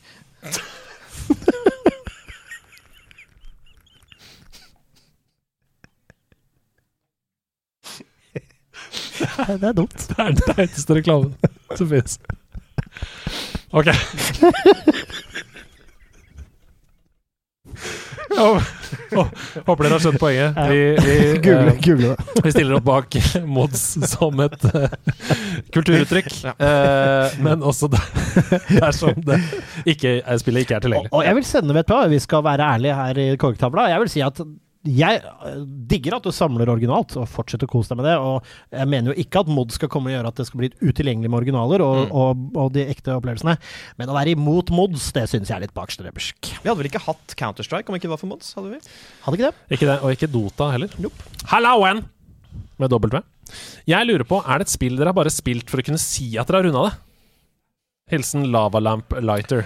Altså bare sånn Åh, shit, jeg må spille det fordi jeg må ja. Eh, altså, Eller sånn du har spilt et spill, og så har du kommet 70% ut, og så har du tenkt sånn Jeg må bli ferdig, for jeg må kunne liksom si at jeg har kommet Red Dead Redemption 2. Faen, det var det jeg skulle si! Det var det jeg skulle Oi, si. Er det sant? Ja, Begge ja. to? Ja. Men uh, Det er et dårlig spill! Ja, altså, jeg koste meg fint litt. Ja, det, Ja, det er interessant. Jeg har ikke hørt, jeg har ikke hørt Vi har jo vært veldig vocal om Altså Jeg syns jo ikke det er et dårlig spill. Jeg syns det er syv av ti, liksom. Men jeg syns det har vært mye bedre film eller TV-serie. Det har jeg sagt mange ganger. Men, men hva med deg, Hasse? Du, var, du måtte liksom bare kjempe deg gjennom? Jeg koste meg de første kanskje 20 timene. Ja, jeg også. Ja. Og så begynte på en måte fatigen å bre seg med at ting skulle ta Det skulle ta ti minutter å åpne en dør og Det var den der øya. Gurama, Guarma, Ja, ja, ja. ute i Stillehavet der. Jeg, fikk, jeg koste meg ca. 8,5 timer. Ja. Ja. Men hva med deg? Nei, men også, også eh, Etter hvert så tenkte jeg liksom Dette er jo Det er ikke til å legge altså, Til å skyve under stol at dette er stor spillkunst. Det, det kan jeg på en måte ikke si noe på. Og som jeg sier i min SIFU-anmeldelse, jeg mener jo at eh, altså eh, Anmeldelser er subjektive opp til et Nei, objektive opp til et visst punkt, og så er de subjektive. subjektive. Ja. Eh, og eh, for meg så er det liksom terningkast fire, men jeg ser at på en måte håndverket er jo terningkast seks. Ja. Ja, altså Jeg har Eh, heller ikke noe problem med å si at masse komponenter i det spillet som er fantastisk bra, Mm. men helhetlig som TV-spill så er det en treer. Ja. Fordi de legger inn en hel masse mekanikker som er totalt ubrukelige. Det er- trenger ikke, trenger ikke å koke så mye som en kopp kaffe! Du får penger og en fuckings revolver i Mission 3 som du aldri trenger å bytte ut! Jeg har lyst til å si Uncharted 1.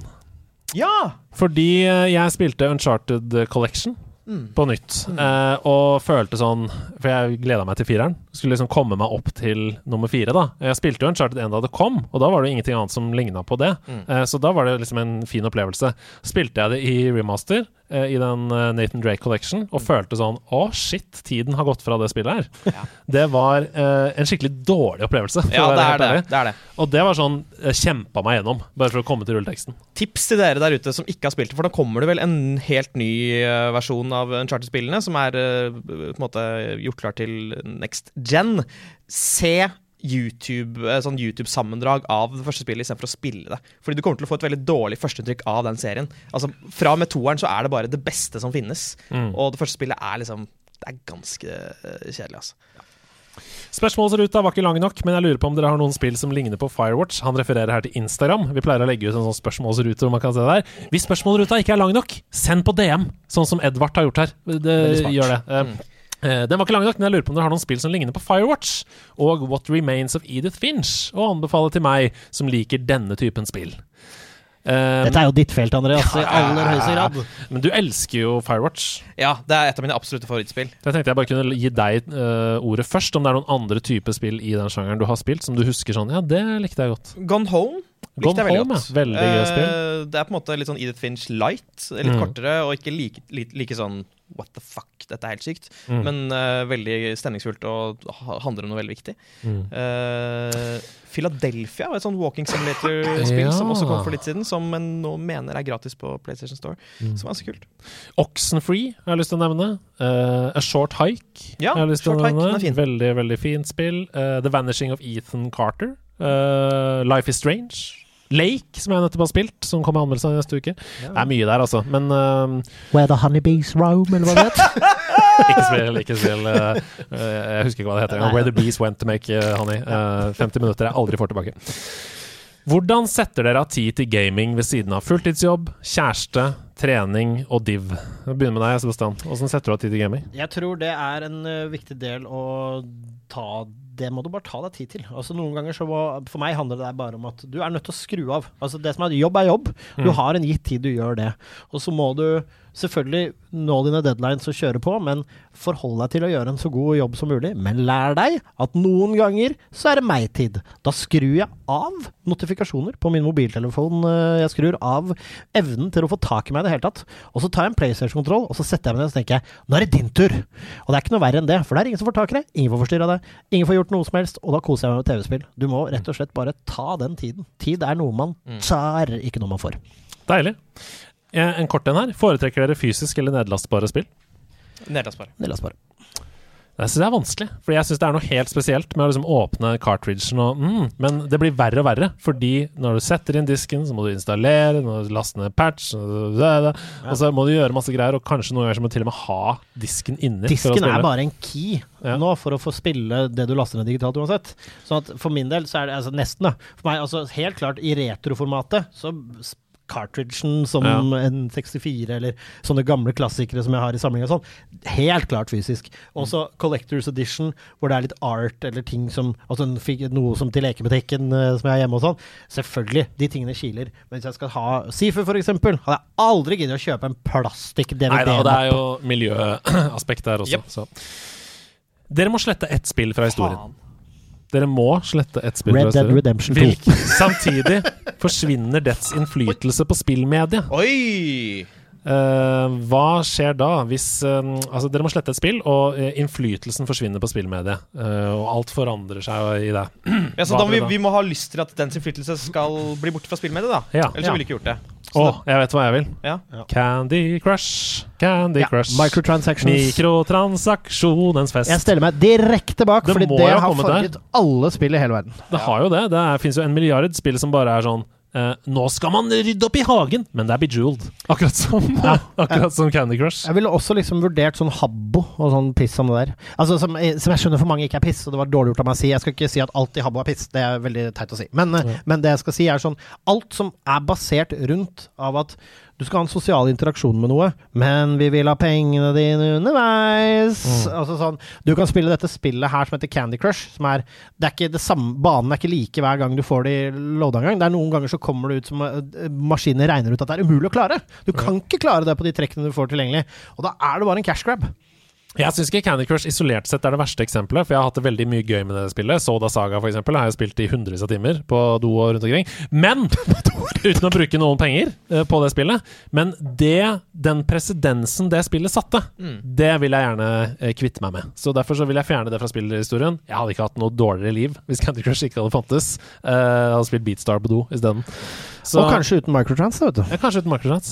Har du Ikke, det har ikke noe bedre enn det. Det er, det er fasit. Altså, hva, første free to play. Free to play var, det, Ja. Uansett hva det første free to play-spillet med suksess var, det vil jeg kvitte meg med. Deilig. En spillkarakter som du gjerne ville sett uten Nei, en spillkarakter du gjerne ville sett med bart, Hasse. Oi! En spillkarakter som du kan putte på en liten mustasje om du vil på den spillkarakteren. Ja. Oi, oi, oi, oi. Um, Mens du tenker, så kan jo vi eh, snakke litt om eh, en spillkarakter som vi gjerne vil fjerne barten fra. Ja. Uh, mens du tenker på um, Mye morsom oppgave Hasse fikk. men vet du hva, kanskje Nei, forresten. Sully fra Uncharted. Nei, men det har de jo gjort allerede, da. I den jævla filmen. ja, det er sant. Rar cast, ass. Ja, rar cast, ja. En spillkarakter med bart. Det hadde vært Mario uten bart. Det er veldig Ja, det er bra scary. svar. Det er bra scary. svar. Ja. Ja, det blir som uh, å se meg skinna. Det er også scary. Det kan vi fort se. Det, nå lukta det insentiv til veldedighetssvin. Nei, nei, nei! Alt, alt håret. Altså skjegg og hår. Oi! Og sånn eh, Niklas Baarli fra P3-aksjonen. Altså fjerne øyenbryn Nei, du sånn. skal få beholde de, for ellers så blir det bare rart. Jeg tror det blir litt gøy. Ser ut som jeg er født på ny. Bare fjerne øyelokkene dine. Ja, vet Sånn hva? som, sånn som uh, Robbie Williams musikkvideoen Rock DJ. Ja! ja! Oh. Wow. Men vet du hva, jeg tror, eh, tror eh, hvis jeg skulle fjerna en bart, så hadde det vært Mario. Det er Ja, et godt svar. Mario. Hvis jeg skulle gitt noen bart Hasse, det er du som må svare. Jeg skal svare på det her, Uh, og svaret er Mercy. Mercy vært, Mercy Ja. Watch Med skikkelig feit uh, Det er fett. jævel, altså. Ja, det er fett. Blond og fin bart. Mercy in the Reinhardt plane. Ja. Deilig. Uh, vi, tar, vi rekker et siste spørsmål her. Jeg har sett litt på retrospektivet og utvikling av Ratchet Clank 3. og Det var en intens utviklingsperiode hvor ferske utviklere rett fra utdanning inn i arbeidslivet måtte jobbe 80-timersuker i over et år. Etter at spillet ble lansert, så forsto ledelsen av Insomniac at man kan ikke lede et spillselskap på denne måten og forandret hele arbeidsmiljøet, slik at det skulle være bedre for de ansatte. Sammenligner vi dette med CD Projekt Red og Cyberpunk, kan det komme en lignende historie fra dette? Her har det jo vært enda mer ekstreme forhold, men burde ikke ledelsen lære av dette? Hilsen makeren. Altså, Tror dere at de eh, forferdelige crunch-periodene vi har sett i disse selskapene, og, og oppmerksomheten da, knytta Ja. til det, tror dere at det vil forandre Ja, jeg tror, jeg tror det, og vi ser jo det med Guerilla Games, Mm. eh, eksempel. Og det handler om på samme måte som eh, at eksempel IE fikk masse backlash pga. lootboxer i Battlegrounds 2. Eh, og da forandra de på det og liksom gjorde det bedre. Og når, folk, når nok folk liksom reiser seg og står opp imot det, så vil det bli eh, forandring. Og spillselskapene kommer til å etter hvert gjøre det mer og mer. Ikke fordi de er snille, men fordi de skjønner at vi kan ikke ha, være en av verstingene. Ja, det er rett og slett når noen, når noen selskap setter presedens, så Ja. begynner det å murre i de som ikke har det bra andre selskaper.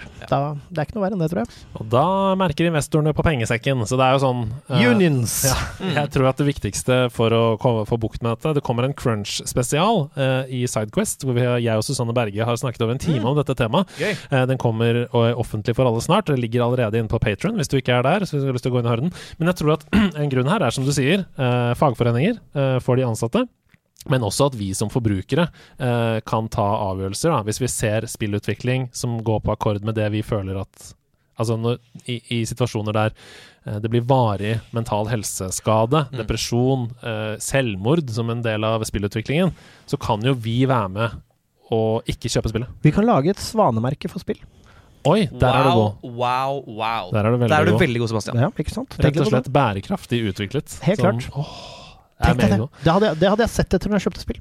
Jeg sender denne rett til den norske spillbransjen. I hvert fall for norske spill også. Det burde jo kunne gå an, det. Å fikse på. Ja. Herlig.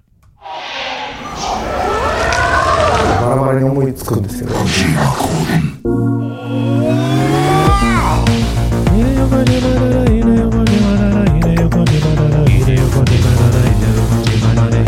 Kojima-nane, Hideo Kojima-nane, Hideo Kojima-nane, Hideo Kojima-nane, Hideo Kojima-nane, Hideo Kojima-nane, Hideo Kojima-nane, Hideo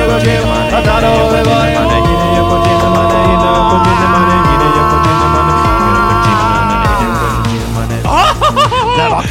Nei, underfortalt og deilig. Ja, vi er nede i Tokyos underverden. Ah, yeah. Og Hidio Kojima han har tatt bolig i alle våre tre bodies for å produsere Kojima-koder. Og vi må da slå Altså, hodene sammen. For oss har dette blitt helt vanlig, men for en ny lytter så kan det kanskje være lurt å forklare. Ja, tenk på det. Kojima-koden er altså en rebus, der hvor den geniale spillskaperen Hidio Kojima har gått inn i hodene våre og laget en spillrebus, sånn at vi skal, eh, som vi skal lese høyt, og så skal de to andre slå hodene sammen for å prøve å løse den. Helt klart. Hasse, har du lyst til å ta din Kojima-kode først, eller skal jeg ta min? Altså, min er en veldig lett oppvarming i dag. Da tar vi Sebastian sin først. Fordi jeg, det var, jeg var litt på hæla arbeidsmessig, så det, det ble en litt sånn Det ble en litt søt en Ikke fra min. fra min. Nei, Ok. ja, nei, nå, ja, ok, greit. Eh, Selv om han selger den billig, vi må jobbe sammen. Selvfølgelig skal vi jobbe sammen, Andreas. Jeg digger okay. deg. Ja, takk, det samme. Ok. Hidio Kojima har tatt over min body. Det stormer der nede. Det er noe på ferde. Ta fram et våpen og løft det i været. Det stormer der nede. Det er noe på ferde. Ta fram et våpen Og reis det til været. Løftet. Løftet til været. Ja, Og løftet i været, ja. I været, ja, Det stormer det der nede. Uh, altså, er det snakk om en fy... Er det bokstavelig talt en storm? Er det storm s s st um, Stormfront. Stormfront? Star Wars. Um, kan det være Sea of Thieves? Det kan være Sea of Thieves, der nede, der nede. Altså, det er ikke der nede, det er liksom på vannet. Tar tak i det, det, det, det, det er noe på ferde. Nei. Fæ, fje, Hva var det du sa? Det stormer der nede? Det er noe Det stormer der nede. Det er noe på ferde. Ta fram et våpen og løft det i været. er det noe Zelda-spill med storm i tittelen? Oi Ja, Skyward Sword, kanskje. For der er jo bevegelseskontroller. Der er det beve... GLCS-kontroller, Du løfter det i været. Ja. Har vi et svar fra dere der, eller? I svaret Skyward så. Det er riktig! Vi har klart det! Dere har klart det på første! Ja, Det er nydelig. det er pent. er så sjukt! Det er sjukt. bra, Takk, det er Andreas. Men det var du som sa det! Du sa 'er det løfte'? Er det noe med Ja, ja, ja, Perfekt ja. samarbeid. Få høre andre vers. Ja, ikke sant? Det stormer Wow. der nede, det er noe på ferde. Ta fram et våpen og løft i været. Du flakser og bakser og utforsker verden. En trofast loftwing blir med på ferden. Kanskje det ikke er Skyward Sword? Jeg tror det er Minish Cap. Jeg. Jeg tror det, ja. Ja, det, det, vet du hva, den ble bedre enn jeg trodde. Det var Det var nydelig Ja, fin, den. Jeg flytter til stedet der jeg må jobbe for hånd for å fortsette driften i bestefars ånd. I alle, har det tørna for han? Hva er det han driver med? Å, jo da, men uh, vent Jobber litt med henda på en fabrikk som har blitt uh, tilhørt bestefaren. Han reiser En gang til, André. Han. Jeg flytter til stedet der jeg må jobbe for hånd for å fortsette driften i bestefars ånd. Dette tror jeg er på spor av. Hva er det du er på sporet av? Dette lukter et sånt uh, det, det bare ringer en bjelle først. At dette Ja. er et sånt uh, At vi skal inn i et sånt gårdsbruksspill her. Sånn Stardew Valley møter Harvest Moon. uh, skjønner du hva jeg vil? Ja, At han har funnet på et nytt spill? Nei, nei, nei. nei. Altså, det, er, at det, det, det, det ringer ikke sånn umiddelbart, men han flytter til stedet der han må jobbe for hånd. ikke sant? Så han Ja. flytter til en gård som er sånn Hello, welcome to the farm my grandfather used to work at. Ja, ja, ja. Det føles litt som Uten at jeg vet det, så føles det som kickstarten på et enten et liksom Et Stardew Valley kunne vært, jeg har ikke spilt det, eller for eksempel uh, Harvest Moon, da. Ja, vi kan jo prøve. Jeg har ikke spilt noen av de spillene. Ja, jeg, har ingen, jeg, har, altså, jeg har ingen andre tanker enn det. Harvest Moon tror jeg faktisk det er. altså Skal vi gå for Harvest Moon? Jeg tror det er Harvest Moon. Jeg, Skal vi gå for Harvest Moon? Ja, vi gjør det. Harvest Moon. Det er dessverre ikke Harvest Moon. Jeg fisker og sår og koser meg glugg i den trivelige dalen der stjerner har dugg. Stardew Valley! Endelig svar for pokker! Som for pokker at vi Ta, ta, ta han, Sebastian! Ta han! Ta han! Dette gidder jeg ikke, Andreas. Når vi, når vi sier det er én av to Din jævel, altså. Men det var ikke Altså, jeg var inne på det! Sebastian? Det er sykt imponerende. Ja, det er faktisk det. takk. takk. Jeg må, det, altså, da du sa det, så tenkte jeg du har jo ikke spilt det. Nei, jeg har ikke spilt det. Og ut fra 'jeg må jobbe for hånd for å fortsette driften i bestefars ånd', som er jo det som skjer. Du flytter jo til dalen og tar over gården til din gamle bestefar. Fordi det ringte en bjelle, og da, for jeg tenkte det er, det er det å flytte til stedet der du må jobbe for hånd, og drifter Altså, en gård, ikke sant? Jeg er så imponert. Jeg vet ikke hva jeg skal si. Takk. Utrolig bra jobba. Takk for det. Takk for det. Ok, altså. Ok. Ut Hideo Kojima har tatt over med badebladet. Ok. Ut på tur. Pakk din sekk. Du trenger så sårt å komme deg vekk. Kone syk. Det tar jo på. I skogen. Du vil ut og gå Jeg vet hva det er. med stå. En liten båt. Eller rett ned i badebuksa der også. Det er, det er ingenting i dette spillet som tilsier at hovedkarakteren har ereksjon. Nei, men det, er si som, det er heller ingenting som dementerer at han har stått. Men vet, vet, vet du hva det er? For jeg vet hva det er. nemlig. Nei, nei, jeg vet ikke hva det er. Men, det er, eh, det er Firewatch. er Firewatch, uh, han, må, han må gå uh, Han skal ut i skogen der, og kona ligger hjemme og er sjuk. jeg har jo og- spilt Firewatch. Det er jo litt sånn skrekkspill i starten. Ja, det er det. Du kommer opp i tårnet der, men det er, det er, vi trenger ikke dra ut dette. Det er Firewatch. Ikke dra det ut, for det er riktig. Ja! Tre av tre, da! Tre av tre i dag! Altså, så bra. Men når dere hører andre vers, så kanskje dere forandrer mening. er det mer og mer ereksjon? Du får deg en jobb. Oi. Blowjob? så høyt der oppe. Herfra du farer som ild skal stoppe. Men husk at selv om du er alene med walkietalkie, du kan jo snakke med hun pene. Ja. For det er det som er premisset her. ikke sant? Kona er hjemme og er sjuk, og det forholdet er det slitasje på, og så er det den personen som du aldri møter, som er i det andre tårnet, og så blir det en litt sånn romanse der også. Ja. På walkietalkien, god kommunikasjon. Jeg sitter i tårnet med svak Ja, vi legger den der. Med svak munns... munns... Muntrasjon? Ja, men. Jeg er sånn halvveis glad. Det Hidio Kojima har tatt over vår body. Det er tre av tre, gutter! Ja, I dag var vi utrolig gode. Ja, det er deilig. Det er deilig. Og til vanlig, da, så er det jo sånn at dessverre så er vi ved veis ende her.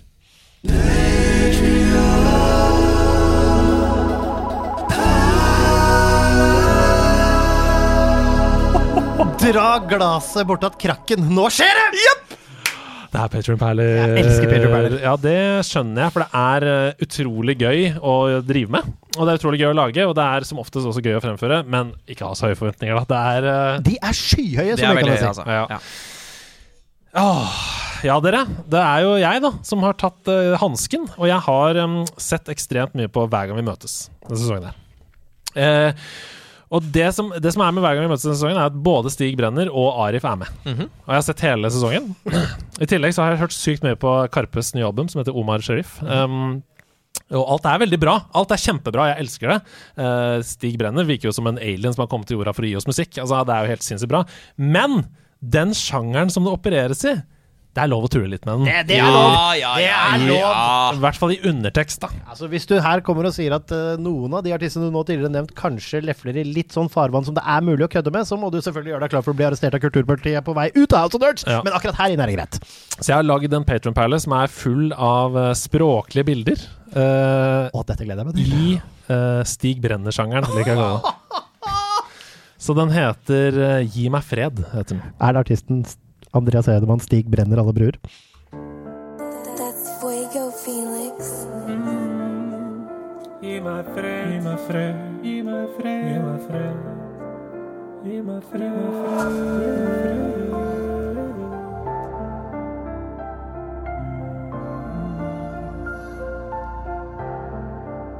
Arthur Gulla med sko. Bare flyktet flykte fra Azar, løper som Canizzo. Holder fast som totembar, lusiverer resept på en følelse. Levert av Dr. Emotional, Sondre Appal sett som en størrelse. 32 fra Simen Folkvart, hmm, skyggen av Frank Lindestad. Maler bilder av Helene, bilder av fredag. Mørbanket filet, knuste hjerter, Sofia Bakke. Glitch-cube glitcher ut horisonten, Ta Christian fronten. Klikk-klakking ingen rock, nok er nok, bang fra bakken. Baren er åpen, for tsaren Geir Håkon en stopp. Trond Ryen på byen. Mm. Inni hodet på Linda Riel kjører skinnfar i hjelm og skropell som åpner tårespjeld. Tygges opp som en tyggis fra Jonnings på Skjell. nei, Naimi starter med seg selv. Det er Frode Bratt, sett opp mitt fjell. Emosjonell hoggestabbe på stubbis som går på en smell. Min bror Bjørn Thorsson, uten mor og sånn, men like Ole Sudmann som Herman Kvinsland. Ikke fattig, men Fredrik. Har laks i trær, Simon Rognskog. Født høy, Stian Bornstein. Flerfarget by, Mats Gulstad. Begrav meg nede i sumpen, Lars Gravningsmyr. La meg se gjennom tåka, Karoline Mys. Jeg trenger lys. Kalde netter i mitt hus. Uten ved fra Sigurd Gran. Pakker lykken inn i sedler. De og som Bill Pengeland. Connection lost. Martin Lone Nuland. Jakt om natten. Orlando mot musen og katten. Flyktning over intimgrensen. Geshin og Wilhelmsen. Magnus og Jørgensen. Kasper til Olsen. Sabine vil kline. Få det frem for Kim Olsen Sveen beskytter seg mot deilig felmen. Gjør det lett for Ole Sætvedt å bli sittende inne etter å ha drept. La meg bli Nikolai, la meg bli Nikolai. La meg granske meg ned, la meg granske meg ned. Gi meg fred. Mm, gi meg fred, gi meg fred. Mm, gi meg fred, gi meg fred, gi meg fred. Gi meg fred. Gi meg fred. Herre Hva skjedde nå?! Det er et mesterverk! Det er et mesterverk, hva faen?! Det er et mesterverk! Hvem er du, Andreas? Hvem er du? Det er et mesterverk! Hvem er du? Jeg måtte altså Altså, TV-personligheten Jeg måtte ta fram et kamera idet jeg hørte beaten og, og filme live! Er du Andreas? Dette blir musikkvideo. Det er klem! Hei! Klemmes! Ja, det er hyggelig, det er hyggelig. Det er, Det er, men det er en jævlig bra låt! Ja, det er hyggelig, det. det. Det er jo først og fremst patron-backerne i da tier 50 dollar og 100 dollar. Ja, jeg skal avslutte har- tapen min her. Bare si Patron, I got you. Bare si det. Bare gjør det. Bare, gjør- bare gjør det. Uh, patron, I got you. Takk. Um, det, det, er, uh, det, det er veldig gøy. Det er gøy å lage sånne ting. Uh, og når du har hørt så mye på Karpe og, og Sig Brenner i den siste tiden, så setter det seg bort. Altså, det er ingenting mer å si i denne episoden etter Nei. dette. Nei, det er. Altså Det eneste jeg har lyst til, er hvis du liksom bare Altså vi bare kan gå ut på tracket, liksom. Altså vi bare Om vi Det er det kuleste jeg kommer til å være i hele mitt liv. Er å liksom, liksom passivt kul ved siden av Edo her nå. Liksom, Ja, at vi bare kan crunke det ut. Det er lett å være med og synge på dette, så alle som er hjemme, vær med og syng da på. Ok. Andreas Hedemann på mikken, tusen hjertelig takk for oss her i Nerdelandslaget. Takk for at du backer oss på Patrion. Tusen takk til alle som har hørt på. Tusen takk til Discord-gjengen. Følg oss der. Bli med på Instagram. Gå inn på nettsiden nerdelandslaget.com. Her kommer han. MC Andreas Hedemann. Take it away, baby. gulla med sko? For å flykte fra hasard, løper som kaninso. Yeah. Holder fast som totembar. Tusen takk for at du hørte på. Ha det bra, alle sammen!